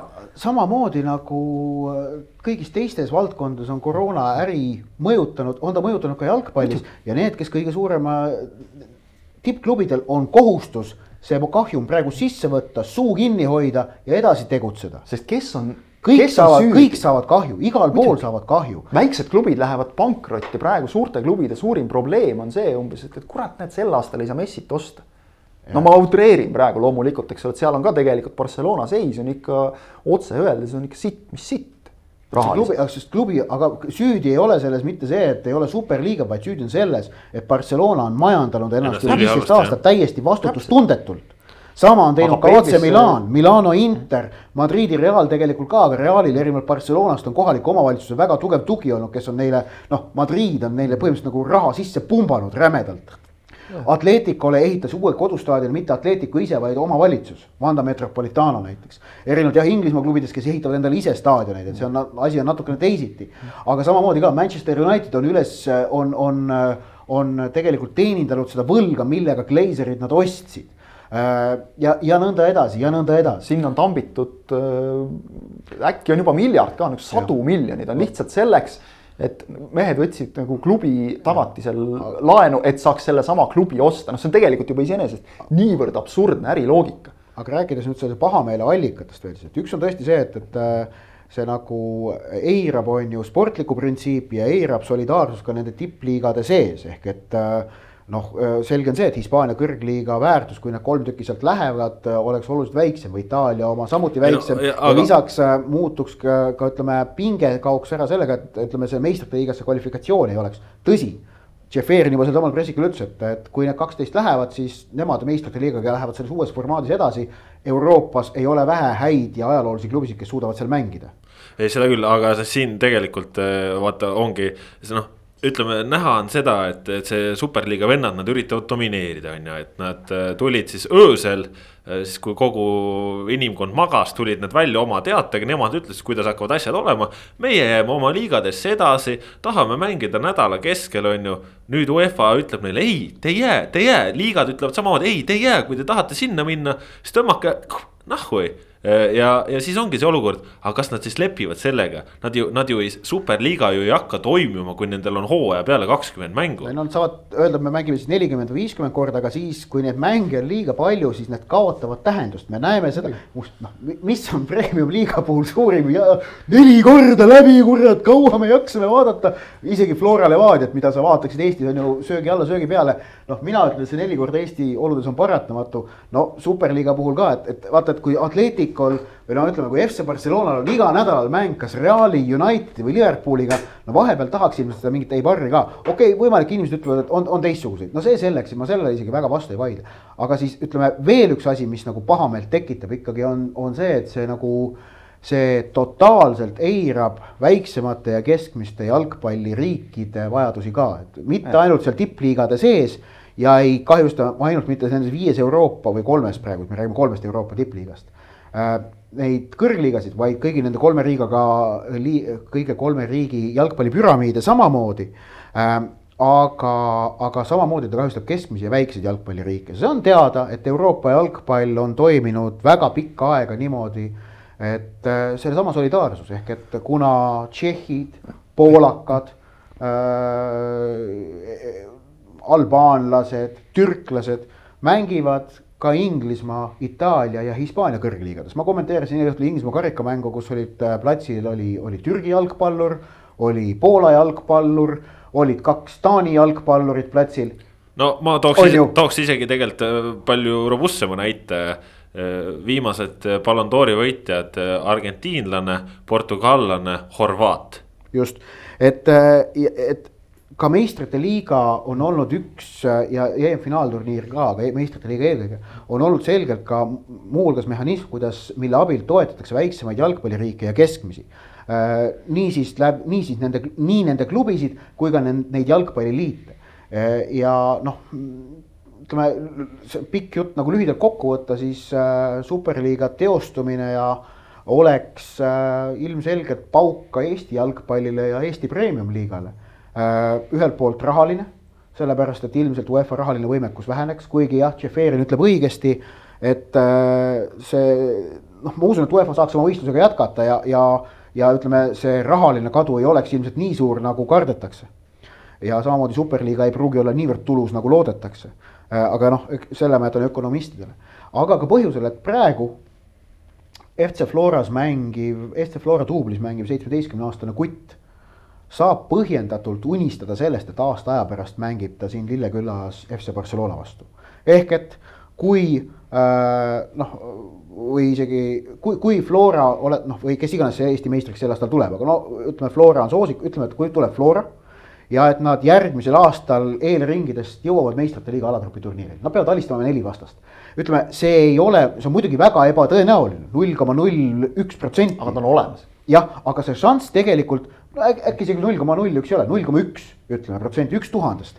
Eh, sest et noh, et Floral on kaks korralikku eurohooaega tegelikult teinud.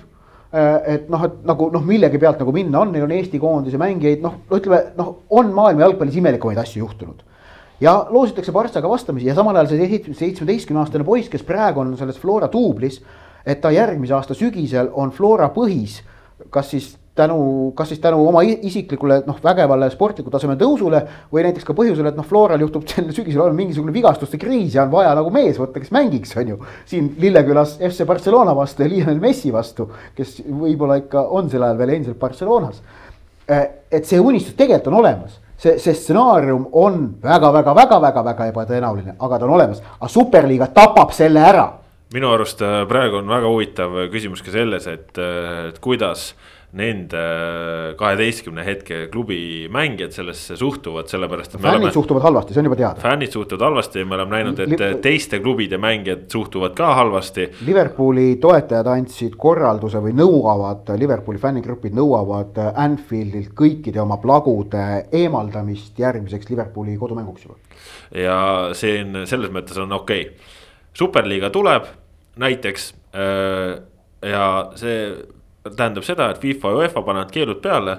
Eh, need mängijad ei saa enam koondist esindada, nad ei saa osaleda võistlustel.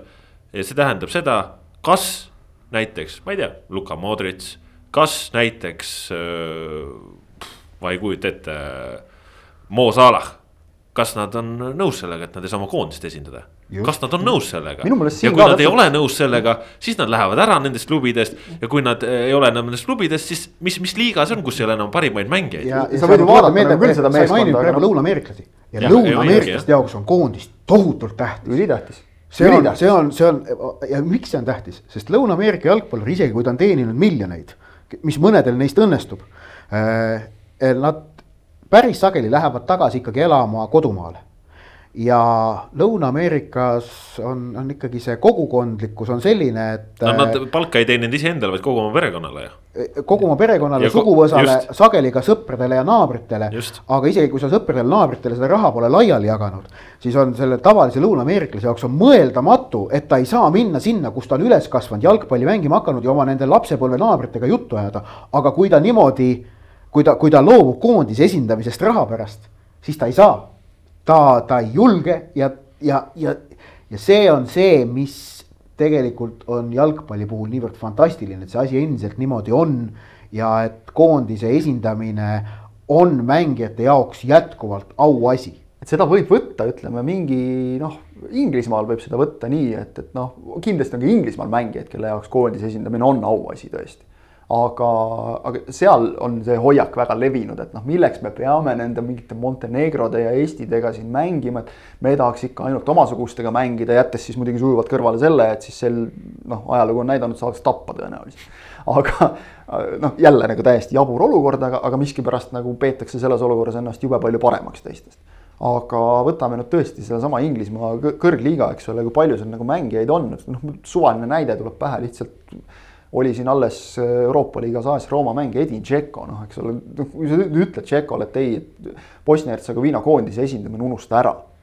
noh, nende, nende selliste mängijate jaoks see on ikkagi midagi nagu hoopis hoopis, hoopis enamat. Samir seda..., Samir Handanovitšile, et Sloveeniast Sloveeniat nii ette. ma, ma, ma olen, mul on sihuke tunne, et nad tegelikult need elavad oma selles elevandilust tornis, kes seda juttu praegu nagu räägivad, no mis siis, et noh, siis läheb kõik, et lähevad siis koondised ka tühja kah Nad, nad ei taju päris täpselt seda, et, et mängijad siiski ei ole nii ostetavad ja müüdavad.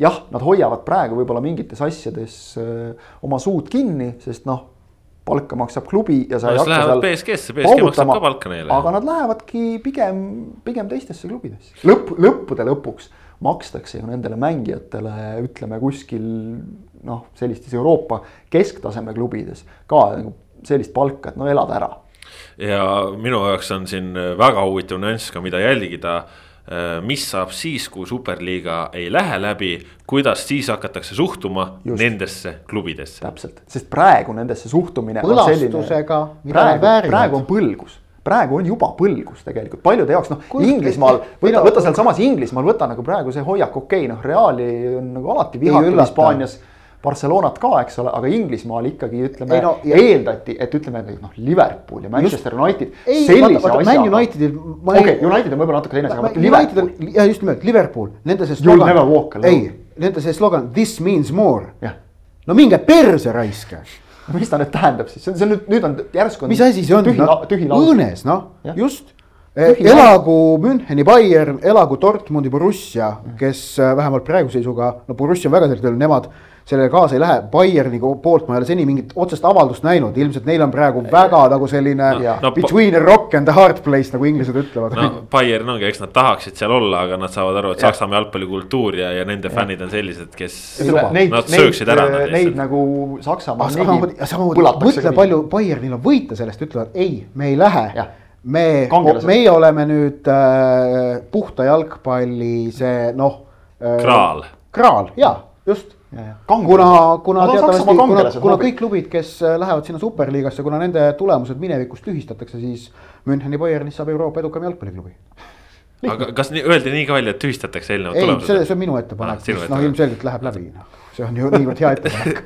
ajalugu vast ikkagi Madridi. Real ja AC Milan tühistatakse meistrite kui liigas. sa selle Tšeferinile edasi andsid, siis. ja ta noogutas, ta noo- noogutas, noogutas heatahtlikult ja lubas heldeid boonuseid. ja, ja küsimus on kõik siin Eesti jalgpalli tulevikuni. ja küsimus on siin ka veel see ju, et sel aastal on meistrite liiga lõpplahendus toimumata ja neljast äh, poolfinalistist kolm on siis need, ma kes. poleks kunagi uskunud, et ma ütlen seda, aga ma tahan väga, et Pariis Saint-Germain meistrite liiga Jah. võidaks. ma arvan, see oleks Euroopa ja maailma jalgpallile selgelt kõige parem, kusjuures just nimelt, ma tahaks samamoodi, mitte et see tiitel neile nüüd antaks, millega on juba siin spekuleeritud, noh muidugi huumori valdkonnas, aga eriti äge oleks, kui nad lihtsalt mänguliselt võidaks. ei, mulle veel meeldiks, tead mis või? et nagu tuimalt vilistataks BSG-le ära. see oleks nagu hea, et lihtsalt nagu tuimalt vilistatakse ära raisk, et noh, et vaata ja, ja teemegi ära noh. Aga- siis, vaata hea küsimus muide, et kas sellisel juhul nagu Kossu euroliigast, eks ole, seal on nagu kohtunikega ka see, et kas siis äh, superliiga peaks endale kohtunikud ka ise otsima kuskilt. ei, no seal on, et seal on organisatoorseid noh, konfliktikohti on vä- tohutult palju. sellepärast tegelikult, kui nüüd noh, me oleme siin jauranud palju, et mis siis, kui ja kõik see, et mul, ma, ma tean, et ma olen peast loll ja naiivne vahel natukene nendes asjades. mul on ka siiski miskipärast selline tunne, et veel annab seda asja nagu pöörata tagasi, tekitada mingisugune no, hübriid. mida Aivar Poolak ütles, vaata täna mul intervjuus ka, et, et äh, noh, tekitada mingi hübriid loogilisem. mõlemate nagu, mõlemate poolte nagu soovidest ja nõudmistest. sest noh, ta on praegu seesama, mis sa ütlesid just juba see, et sa lased nagu keset ööd selle välja, et noh, meie laseme siis, kui meie tahame eh, nagu teadlikult noh, päev enne seda, kui kinnitas nüüd, eks ole, selle meistrite liiga uue formaadi UEFA. et noh, see on võimumäng täiesti ilmselgelt. Aga nü- nüüd ongi küsimus, et, et kes nagu Ja, ja kõvemini kõrist kinni saab teisel. kuna inglaste see suur kuuik ja. proovisid ju haarata siseriiklikult võimu selle äh, Project Big Picture'iga, mille, mil, mis tekitas tohutut, ehk kuna neile sealt rääsa näidati, siis nad läksid praegu selle superliiga projektiga ka. seal on ka täpselt mingisugust sellist noh, solvumist, eks ole, seda ja ärme unustame, et, et seda sealt juhivad ikkagi, me räägime Inglise klubidest ja võib-olla selle tõttu nagu oli ka seni arvamus, et noh, et inglased ikka kaasa ei lähe. inglased ei lähegi, lähevad ameeriklased. ja Abramovitš ja Abramovitš, A- Araabia Ühendemiraadid. Araabia Ühendemiraadid. ja, ja Neil, neil on täiesti suva, nende Tottenham, Arsenal, United ja Liverpool on kõik Ameerika omanikud. nende jaoks on see äri, äri ja veel kord äri. ja vot Euroopa jalgpall ei aktsepteeri seda, et äh, klubi jalgpall on äri, ainult äri. just. Muidugi ta on äri, ei, ei aga- aktsepteerita seda ja lihtsalt nii ongi ja ollaksegi valmis võitlema selle nimel väga pikalt ja väga niimoodi, et, et äh, ei, ei aktsepteerita seda. ja, ja ma siinkohal tooksin siis ka välja selle, et äh, ei ole saladus olnud, et ma olen lapsest saati olnud Real Madridi toetaja, aga Florentino Perez on ikka valus munn äh, otse öeldes. ja noh, kui me mõtleme selle, et ta on kogu Reali hiilguse on ehitanud selle peale. Me oleme meistrite liiga kuningad, me oleme Euroopas kõige edukam klubi ja nüüd sa lihtsalt noh, vabandust välja vabandust. lased, lased kõrge kaarega, ütleme viisakalt. ise, ise otse lased selle peale, noh, see on, see on nii rõve. nagu Sir Alex See Ferguson on- ütles, et äh, selle käiguga kustutatakse ära seitsekümmend aastat Euroopa klubi Jah. jalgpalli ajalugu ja see on väga õige. aga nüüd ma mõtlesin, et me, me oleme lamenti oleme löönud ja võiksime vabalt veel tund aega lüüa, aga üks asi veel, et noh, kui re- realiseerub selline stsenaarium, et see superliiga tuleb ja noh, hakkabki eh, tegutsema paralleeluniversumis, mis on selline noh, üks stsenaarium, millega tule- tasu, tuleb arvestada. et eh, mis siis, ma, ma hakkasin mõtlema, mis siis nagu mu enda isiklik nagu seisukoht on või kuidas ma sellesse nagu suhtuma hakkan, siis noh, kahtlemata ega jalgpalliajakirjandus seda eirama ei hakka, vaid ta hakkab kajastama seda samasuguse professionaalsusega nagu, nagu ikka asjakohane. Aga siin tuleb nüüd väga selgelt eristada, et eh, kogu see kriitika, mis me praegu oleme teinud, see käib ainult nende klubide omanike ja juhtkondade aadressil. absoluutselt mitte mingilgi moel mängijate või treenerite suhtes. samamoodi kui me siin Eesti jalgpallis noh, Nõmme Kalju juhtkond on meie käest saanud siin viimastel eh, ka paari kuu jooksul väga palju ja asja eest on saanud, aga see ei ole olnud kunagi kriitika Nõmme Kalju peatreeneri Frantsevi või siis äh, Mängijate. nende mängijate aadressil, nemad saavad kriitikat teistsuguste asjade Ja otse loomulikult ja samamoodi ei- ka selles projektis Jah., et need mängijad, kes otsustavad sinna jääda minul ei ole nagu südant neid selle eest nüüd kritiseerida, et nad otsus-, kui nad otsustavad sinna superliigasse jääda ja nende tegutsemist tuleb endiselt äh, kajastada samasuguse pro professionaalsusega, nagu see on asjakohane ja lugupidav. see on nende vaba valik loomulikult, lihtsalt noh, ongi nüüd see, et, et kuidas nad, nemad ise peavad selle otsusega edasi elama see on just see, mida sa rääkisid, eks ole, lõunaameeriklaste kohta mm, -hmm. et, et nemad ise peavad selle otsusega edasi elama ja selle noh, endale ennekõike ära põhjendama, et ma valisin ikkagi raha versus mingid teised asjad. see on vaba valik, seda ei saa nagu absoluutselt pahaks panna, sest ärme unustame, et noh, tuleb ka, eks ole, tõesti nagu tulevikku ka kindlustada, aga noh, mingist hetkest muidugi muutub see natuke naeruväärseks ja selleks, noh, ta on juba praegu muutunud ja ühte asja muidugi ei maksa unustada, et eh, jah, eh, selles konkreetses vaidluses selgelt nagu see valgem rüütel on äh, FIFA ja UEFA pool. aga loomulikult on nemad ka viimasel ajal ikkagi mingite asjadega puusse pannud, lasknud nagu mingid asjad natukene käest ära. teisest küljest noh, palju on räägitud sellest, et okei okay,, et kehtestage siis see palgapiirang siin on minu meelest juba see hetk, et nagu džinn on pudelist välja lastud, et seda nagu tagasi suruda palgapiirangut teha, noh, siin on täpselt see, et, et kas, kas saudid nagu vormistavad oma selle nelisada miljonit kogemata klubisse sattunud raha nagu ühtemoodi või teistmoodi, noh, seal ei ole suurt sisulist vahet. jah, et äh, praegu, tähendab, ma arvan, et juriidiliselt kuulikindlat varianti ei ole, kuidas äh, kaitsta, aga praegusel hetkel kõige paremat kaitset pakub Saksamaa mudel, mis äh, nõuab, mis välistab enamus osalused. jah ja, see, see oleks nagu reaalne, ütleme, aga, aga sinnani, et sinnani jõuda see no, muidugi noh, on, sa, sa ei saa praegustelt omanikelt, sa ei saa nagu jõuga neid klubisid ju ära võtta. minu jaoks veel ka küsimus, et äh, superliiga eeldab, et ta on rahaliselt ülikasumlik ja nii edasi. aga mida teeb näiteks Atletico Madrid siis, kui nende töölisklassist fännid ütlevad, et käige kuu peale, me ei tule. me ei maksa, me ei tule sul staadionile, me ei tee praegu muide, üks väga oluline no. asi on see, et, et nad rõhuvad, eks ole, ilmselt sellele, et meie räägime siin noh, nagu enda vaatepunktist maailmas on miljoneid inimesi, kes on valmis vaatama Manchester Unitedit äh, ükskõik mis liigas ja ükskõik mis raha eest. ükskõik mis raha eest superliiga... ja neile ja nende poole on suunatud juba aastaid tegelikult klubide teravik, kui me räägime staadioni täitmisest mm. -hmm. Manchester United täidab Old Traffordi, Real Santiago Bernabeu äh, nüüd Turistidega. uue ka turistidega ära. Neil on täiesti savi sellest, et kuskil nurgas vigisevad mingisugused klubi ajaloolised fännid. Nad teevad viisakat nägu, parim näide on see, et Ed Woodward käis mõned päevad tagasi noh, tõenäoliselt ma ei tea, kullast Zoom või mis tal on, eks ole, selle kaudu äh, suhtles siis fännidega. ja tsiteeris seal ka uljalt seda lauset, et äh, jalgpall ilma fännideta noh, on, on, on olematu. Sir Matt Busby, Unitedi kõige kuulsam treener. ja täpselt ja et ei ole nagu isegi see püha. aga siin ei tasu ja, veel. ja, ja ja põhimõtteliselt kaks päeva hiljem, täpselt nagu sa ütlesid, eks ole, laseb laia kaarega. aga ärge unustage, et Hispaania see... klubid kuuluvad äh, liikmetele, ehk siis äh, Perez otsustab, mida ta tahab, aga kui üldkogu sootsijad tulevad kokku ja nad ütlevad ei, siis. ja see on veel omaette nagu huvitav küsimus, millest selline veendumus, et noh, praegu siin Agnellid ja kõik, eks ole, lahkusid ECA-st, lahkusid, äh, Woodward oli no, Fifas ka kõrges ametis. mõttetus on nüüd ka lõplikult paljastatud. no seda küll see on mõttetu. aga no nad lahkusid ka FIFA kõrgetest ametitest, et noh, tegelikult on ikkagi suhteliselt sillad on põletatud. Sillad on põletatud, et selles mõttes mind nagu üllatas see, et igasuguseid nõudmisi võib teha, aga praegu nad tegid ikkagi nagu väga konkreetsed käigud, mingis mõttes nad riskisid noh, no ka enda. aga mis see, ei, aga noh tähendab, mis sillad on põletatud, äh, lihtsalt tuleb uus tegevjuht võtta ja siis öelda, et jah, et Ed Woodward eksis ja ma mõtlengi äh, personaalselt. ei noh, ei no jaa, aga Manchester United. United viskab Woodwardi üle parda ja läheb edasi, muidugi. ei noh, nad ei viska Woodwardi üle parda, vaid äh, annavad talle ametikõrgendust ja tõstavad ta kuskile oma sinna muusse, oma äriimpeeriumisse mingile muule kõrgemini tasustatavale kohale. ja Meil võtavad on... uue tegevjuhi, kes tuleb ja ütleb, et me hakkame uusi sildu ehitama ja niimoodi see asi käib. Neil on USA-s NFL-is ka klubi, panevad ta sinna. selle kohta, et need fännid ja see, et, et noh, et see superliiga võib kahtlemata realiseerida ka selle, et need mängud ei toimu enam üldse nende klubide kodustaadionitel, vaid üle maailma jah, ei saa välistada. igatahes äh, väga põnevad ajad seisavad ees äh,, sellist revolutsiooni ei ole jalgpallimaailm näinud.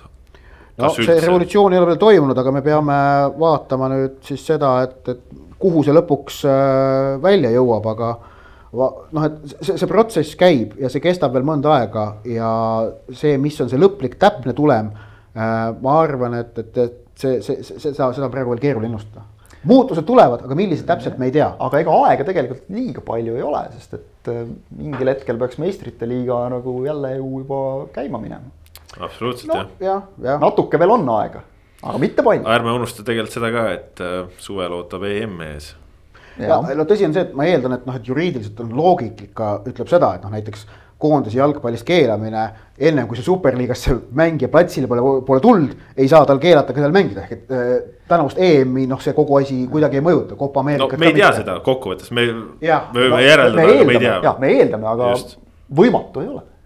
Ja muidugi siin on natukene see konks, eks ole, et, et noh, et okei okay,, te võtsite meilt ära ühe nagu tuluallika, et me viskame teise järgi. et see tegelikult nagu ei ole väga loogiline, no vähemalt praegu, praeguses olukorras sel suvel see EM ära mängida. See noh, nii-öelda ka nagu lõpetab ju hooaja mm. suuresti ei no kuulge, Ja siis algab EM-finaalturniiril, kui nende kaheteistkümne klubi mängijad ei osaleks, no selle EM-finaalturniiril küll midagi väga hullu ei juhtuks.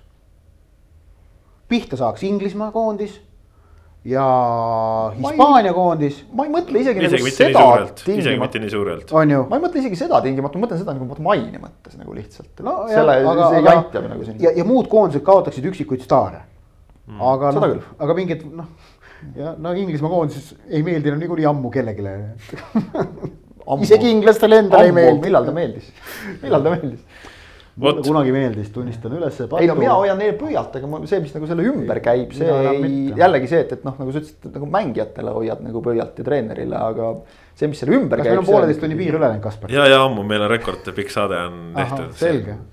Ja Kes ka need- ilmselt roppe, roppe sõnu on seekord kasutatud On, rohkem. ma- ma oleks pidanud ütlema, ma hoiatasin nagu iroonia eest, aga roppuste eest ma nagu ei osanud hoiatada. ja. hoiatame nüüd siis, paned selle alla kaheksateist keelata. ei pane, ma lihtsalt ütlen tagantjärgi, et palun vabandust, et ma ei viitsinud piikse peale panna. Davai, kõik head tänast saate tõid teieni Kaspar Elisser, Kristjan Jaak Kangur, Ott Järvel sellised olid jutud täna, millised on nad nädala pärast. nädala pärast näeme siis, kõike head, adjöö